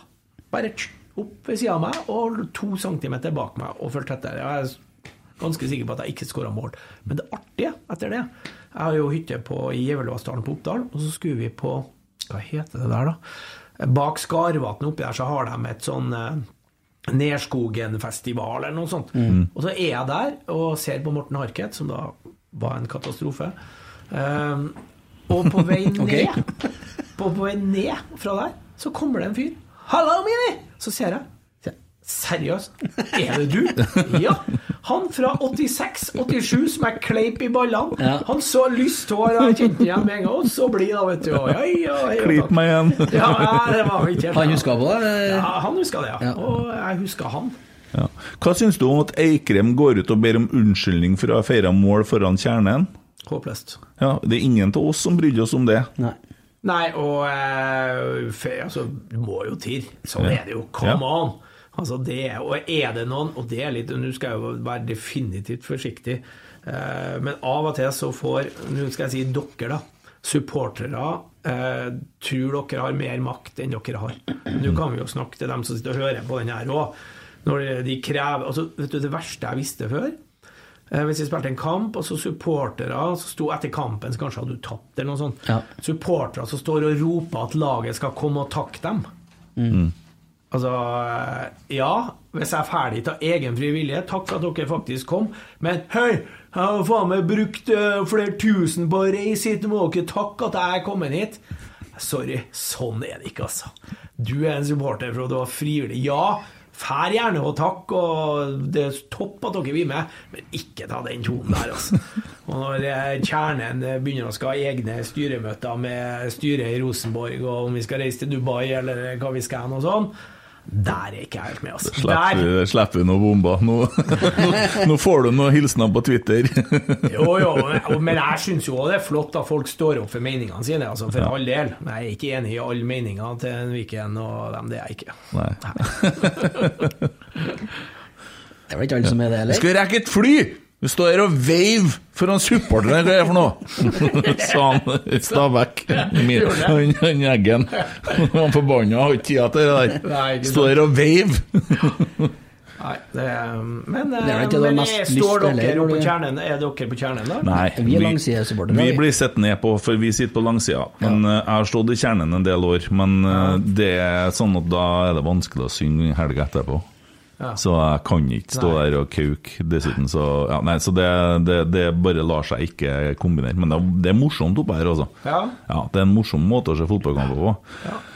Så det ble et par år, men eh, det, blir, det blir så veldig, vans veldig vanskelig å synge uh, helga etter. Rett og slett. jeg, jeg har vært oppe i puben, men ikke under kamp. Mm. Så egentlig burde jeg jo en, Når vi kanskje begynner å gå på Lerkendal igjen og se på fotball Ja. Bare Du burde opp- Ja, bare du har en da vel- litt en time eller to før for å se hvordan det er. Ja. Du har da vel VIP-plass, fast plass på VIP-en og æresborger i Du, eh, vi er så heldige, vi som har spilt et kvarter i klubben, og at vi sender melding til Tove. Du kunne tenke meg på kamp, og så har de en sånn mm. Men det skal også sies at eh, nå jobba jo jeg for klubben òg i 15 år etterpå at jeg slutta å spille. Eh, og eh, vi har sagt oss, mange av oss har sagt oss villige til å være sånne VIP-verter. Altså, når jeg kommer eh, Vi i Komment hadde fire-seks plasser på Adidas-tribunen. Og så før kampen så, så får jeg eh, assistenttreneren på gutte 16-laget som står med en lapp og forteller hvordan vi skal spille. Mm. Og så sitter Erle Brattbakk i- inni der. Nei, altså Da syns jeg det er slett av Rosenborg at ikke man tar altså Brattbakk, Skammelsrud, ja, Stranden Men før han ble trener altså, Vi finnes noen av oss gamle som jeg tror er mer interessant å høre på enn en eh, nederlender eller en assistent på gutte 16. Altså. Sørloth gjør det sånn, uten ja. Sørloth Og vel tok- så det. Ja, Sørloth tok over jobben min når, for når jeg jobba i TV 2. Så var det helt ok for TV 2 at jeg jobba for Rosenborg. Mm. Men så gjorde jeg kall det en tabbe. Jeg tok over etter han Bjørn Skjæran og var ute på Lerkendal-matta. Mm. Og da ble jeg plutselig synlig. Ja. Og da gikk jeg derifra og opp til TV 2-kameraet og var da TV 2-mann. Mm. Så det ble sånn det ble, Og da måtte jeg slutte. Ja. Jeg husker det, når du sto på indre bane. Det, um, men hva tror du om uh, utfallet av sesongen i år, da? Hvis du skal Du driver med litt sånn Hva heter det du jobber? Nordic Bet. Nordic Bet, ja. Ja, jeg jobber jo i Comment, som er mitt to. er jo- Vi er fire stykker som er i Comment, som driver på med event da, og reiser primært. Eh, Men så har jeg en liten sånn bigreie her, eh, og Martine sa jo jeg er jo en influenser i og med at jeg har 55 000 følgere på Twitter. Ja, du er det, ja. Ja, så hun påstår jo at jeg var det òg.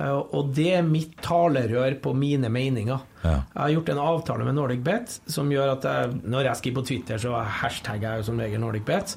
Eh, Men jeg har gjort en avtale, jeg har en videoblogg, og jeg får lov å gjøre akkurat det jeg vil. For Mm. det var jeg litt lei av i TV 2, at 80% av tingene var som regel negativt. Mm. Ikke sant? Du skal ta noen som har sagt noe et eller annet. Ja. Mens jeg starta i Norgebet og skrøt av Eikrem, for han var kjempegod i en periode. Skrøt av Molde, skrøt av Glimt, skrøt av Rosenborg. Det var ikke så ofte. Eh, Men jeg får lov å bestemme sjøl om jeg vil ha skryt av en spiller eller hva det var for noe. Og jeg prøvde primært å holde det bra. Altså Mm. skryt av folk Ja. istedenfor å ta folk. Ja, ja for det har ikke vært litt sånn problemet til norsk fotball de siste ja, ganske mange årene, at man snakker ned eh, norsk fotball så mye at det mister litt interesse. For det er jo som du snakker om, eh, gode prestasjoner og, og forsterk, eh, positiv forsterkning. Det er òg viktig. Alle ser jo det som blir sagt, og det er jo sånn at negative omtaler selger mer enn positiv. Ja, ja. Altså, det er jo bare å se på nyheter eller hva det er for noe. Altså, det er jo negative tingene, det er jo de som eh, dominerer. Ja. det er det jo ingen tvil om. Men eh, når jeg jobba i TV 2, så var det jo produktet vårt, og da prøvde vi å bygge opp, TV, eller bygge opp fotballen. Det er jo ikke Mm. noen tvil. Mm. Og jeg òg syns jo det er artigere at Rosenborg skårer enn at Liverpool skårer. Det er ikke noen tvil om. Jeg ser jo Rosenborg eller Glimt foran Liverpool. Mm. Det er ikke noen tvil om. Nei. Jeg skulle bare finne, for at jeg så jo i dag hva Nidaros klarer å servere. da. Det var noen av kompisene som reagerte veldig. Eh, to grunner gjør at RBKs nyeste spiller ikke imponerer Rekdal ennå. Inntrykket er litt begge deler. Og så Når du åpner saken, så er det jo en kar som har sittet på flyet i 16 timer, og så har han for så vidt- ja, og hadde korona nettopp og kommer på trening da, og landa i går, og klart at han eh, og ikke snakker en godt engelsk heller. Så, men det, poenget er den negative vinklinga. Det det er så mye av det, og jeg kan ikke forstå annet enn at man sager av litt den greina man sitter på sjøl, for de må leve jo av denne klubben her, og omtalen. Og hvis at det blir veldig mye negativ omtale, så mister folk interessen. Hvis du oppnår likegyldighet, da, så har du ikke noe jobb lenger, da. Ja. Men eh, ta det der med han argentineren, da. Jeg vet ikke annet hva han heter. Men der er, er det veien å gå. Ja, han er 22 år. Han har spilt to kamper for Bucca Juniors. Mm. Altså, han er jo ikke eh, Argentinas navle. Nei, nå sier jo Kjetil Rekdal at han har fulgt den veldig lenge, da, siden han var i HamKam. Og det er vel ikke vært så lett å hoste opp norske midtstoppere. Eh, sånn som det er akkurat nå, så finner man ikke det som holder mål, da. Eh, sånn ja, sånn som jeg så han det. argentineren her skal da i utgangspunktet være mye bedre enn Eyolfsson, da. Som vi har. Eh, som har Eyolfsson har ikke vært god det siste året. Nei, men eh, hvor, altså, vi henter noe totalt som da blir vanskelig å eh, sette Ja. inn i gruppa, Ja. eh, språkmessig. Eh, og at en midtstopper skal være så jævla god at det er så viktig å hente den fra Argentina, det er jeg spent på. Herregud, hvor mange ganger vi har bomma og henta, om det har vært fra Danmark eller fra Sør-Afrika, Mm. og så gir vi dem ikke nok tid. Nei, Nei ja, Altså, har vi trua på han, da må han få spille. Mm. Sett den inn, og la han spille. Mm. Og det gjør vi gang på gang, og så går det fire-fem kamper. Nei, det var ikke så god. Ja. dem. Ennå skal det inn en midtstopper, da. Det er jo tynt i? Ja, det er jo tynt baki her, da. Ja, skal han Markus frem, da, eller? Jeg vet ikke hvem jeg tenkte. Ja, en av dem, Nå har han jo skada, han eh, som spilte litt. Han som Pavle Vadic. Ja. Han, eh, Vagic. Ja, han var jo litt midtbane og litt eh, stopper. Mm. Et par pasninger på Brann stadion. Eh, Men uh, Han summerte bare opp karrieren til Åge Hareide i Rosenborg. Det var det han gjorde akkurat i den kampen. Men har ikke vi flere stoppere? Ja, Augustinsson. Han er skada til langt faen uti i året. Ja, han har jo vært skada siden han kom, han. Ja, så å si. eh, Og blitt operert i hofta nå. Det tar ganske lang tid å komme seg tilbake. Ja. Og så er det en som ikke blir nevnt lenger, og det er Adam Andersson. Og han var faktisk ganske god i Ja, fjor. han høyrebacken, det. Ja. Eller spilte litt venstre. Han spilte jo ja, venstreback. Han han spilte Ja. Ja. Nei, Så- og der, men det er jo Pereira. Ja, han Skal ser han være en av eh, firerne, da? Ja, det ser sånn ut. Ja. Og han ser jævlig god ut. Faren var god. Jeg Mm. spilte jo mot faren Ja. titt og ofte. Ja. Nei, Pereira husker jeg jo i Viking òg, var jo god. Mm. Og, det, og det, der har jeg mer trua. Hent de norske som har vært gode. Så er det en eller annen grunn at de ikke lykkes i utlandet, men vi vet de har levert her. Får dem hjem, trygge omgivelser. Dem tror jeg igjen kan blomstre. Ja, men vi finner ikke noen norske midtstoppere. Nei, men Europa er stort, da. Det er jo det. Og det er liksom, Jeg snakka om det siste, og det er jeg kjempeskeptisk til den kulturbiten. Mm. Og Ja. At det skal integreres. Og vi har prøvd det mange ganger før, og så fikk jeg laga Jo, men Kjetil Rekdal har tradisjon for det der, for han har gjort det i Ålesund òg. Og han har fått det til. Jeg håper at han har feil. Absolutt. Ja, absolutt. Jeg er Ja. helt enig. Ja. Ja. To timer, 38 minutter og 53 sekunder. Det tror jeg er rekord. Kødder, eller? Nei. vi, vi, vi har jo en sånn greie her med at når du tipper i 40, da er det brukt opp. Ja, men, kan eh, ikke vi sende en blomst til han ene som sitter igjen og hører nå? Nei, vet du hva? Vi Vi har, vi har lova ut skjorter til folk som fortsatt sitter og hører. Du skjønner ikke hvor mange som fortsatt sitter og hører. Ja, det da- Hei, du, hei, du! Du har altfor lite å gjøre på Hvis du er våken. Halvdan Sivertsen eh, tok jo den. Ja. Eh, Han ga jo ut ei plate eh, som ingen kjøpte, og så kom det jo på nytt den med ikke den 10 000 tommeltotta. Ja. Så bare slo. Og det var jo ei plate som var gitt ut for ti år siden, eller noe sånt. Ja. Og da tok han jo den på scenen. Eh, du som kjøpte den ene plata mi for ti år siden. Og her er det du som sitter igjen og hører på. Og er våken. Nei, det er jo helt magisk. Ja. Nei, men det ble da bra, dette her, så. Ja, det skal jo ikke vi bestemme. Nei, det får folk bestemme. Dere kan jo gi oss, sende oss en hilsen og fortelle oss hva dere syns om eh, episoden med Ja, vi må, Får vi det på Twitter? Eller Ja, vi får det på Twitter. vet. Ja. Det kommer, det ruller nå. Ja. Alle som hører ennå, tagg Mini i en Twitter-status. Ja, da får han bekreftelse på, på tommel opp eller tommel ned. Ja. Ja. Ja, da er det Adresseavisa i morgen kveld klokka halv åtte. Da kommer saken. Og natt til i morgen så kommer sangen ut. Da skal vi begynne å pushe ordentlig. Ja, og hvis han har lyst til å bidra enda mer Man har jo vært veldig mange som har vært ekstremt engasjert, så er det nå eventuelt å kjøpe eh, sangen på iTunes. Ja, for da klatrer vi litt på listene. Og Ja. det er litt sånn smart, så. Handler mest om det, ikke lommeboka til Kent. Men øh, kjøp øh, For du kan høre den gratis på Spotify. Ja. Ja, det Men du kan kjøpe den på Du kan kjøpe den på iTunes men det- det i åtte om- kroner, men det går på de listene Ja. på iTunes. Det er litt artig å klatre der. Altså, det er egentlig bare for å være grei, for Ja, at jeg kan ja. gå på Spotify og høre låter. Ja, Ja, ja, du, men du kan jo være grei med meg. Jeg skal tross alt jobbe ganske mye for komment de neste årene, så du kan tenke sjøl, da. Da hadde jo jeg seg grei med deg, Yes. Ja. så gjør jeg jobb. Ja, ja. Nei, det, det har gjort noe for komment før, så. Tror. Har du det? Tror, tror det. Ja, tror det. Men du har ikke vært der hele tida, du, sjø? I Comment? Ja. Jeg har vært der siden Comment ble stifta, eller men det Ja. heter Nordic Arena før. Ja. Men eh, Bosse, da, vet du. Ja, det er Bosse Jeg vet at han Ja, gikk ut Bosse og var med Jo, Bosse var med i starten. Ja, det var han. Det var han. Det er Det riktig. var han. Helt riktig. Husk på at Kent skal se styresammensetning og kjønnsfordeling og sånn før han begynner, da. Sende inn orkkartet og Ja, jeg må se det før jeg begynner å spille for dere, så jeg skal vite at dere har riktig sammensetning i styret. Balanse. Så det er Eh, sånn. Styret er fire mann, og det er fire eiere. Ja, er, det fi, er det damer i styret? Nei, for Nei det akkurat. fire Det er allerede krenka. Det, det holder ikke, vet du. Vi har damer som jobber til oss. Ja, ok, bra. Vi klarte oss i 2,41. Ja, Nei, men det er jo ikke annet å si god bedring. Takk for alt du sa. Mm. Takk for at du stilte opp, Ja, Ja, det var eh, sporty. Kort varsel, var det òg? Det var det, og så var det jo Jeg var jo veldig skeptisk da jeg hørte den første. Skjønner jeg og heldigvis hørte jeg på vår styreleder Ola By Riise sin Ja. podkast. Ja. Å ja, så du fikk balansert litt der, da? Ja, okay, jeg ja. gjorde det, for den ropinga di, Ja, eller om det ja. var de, det er jeg jo litt usikker på, men den ropinga tenkte jeg Hva er det for noe, to tullinger? Ja. Men det har jeg jo fått bekrefta. ja, vi er det. Ja. Mm. Men Tusen takk for at du kom. bare hyggelig. Oi, oi, oi, oi, oi!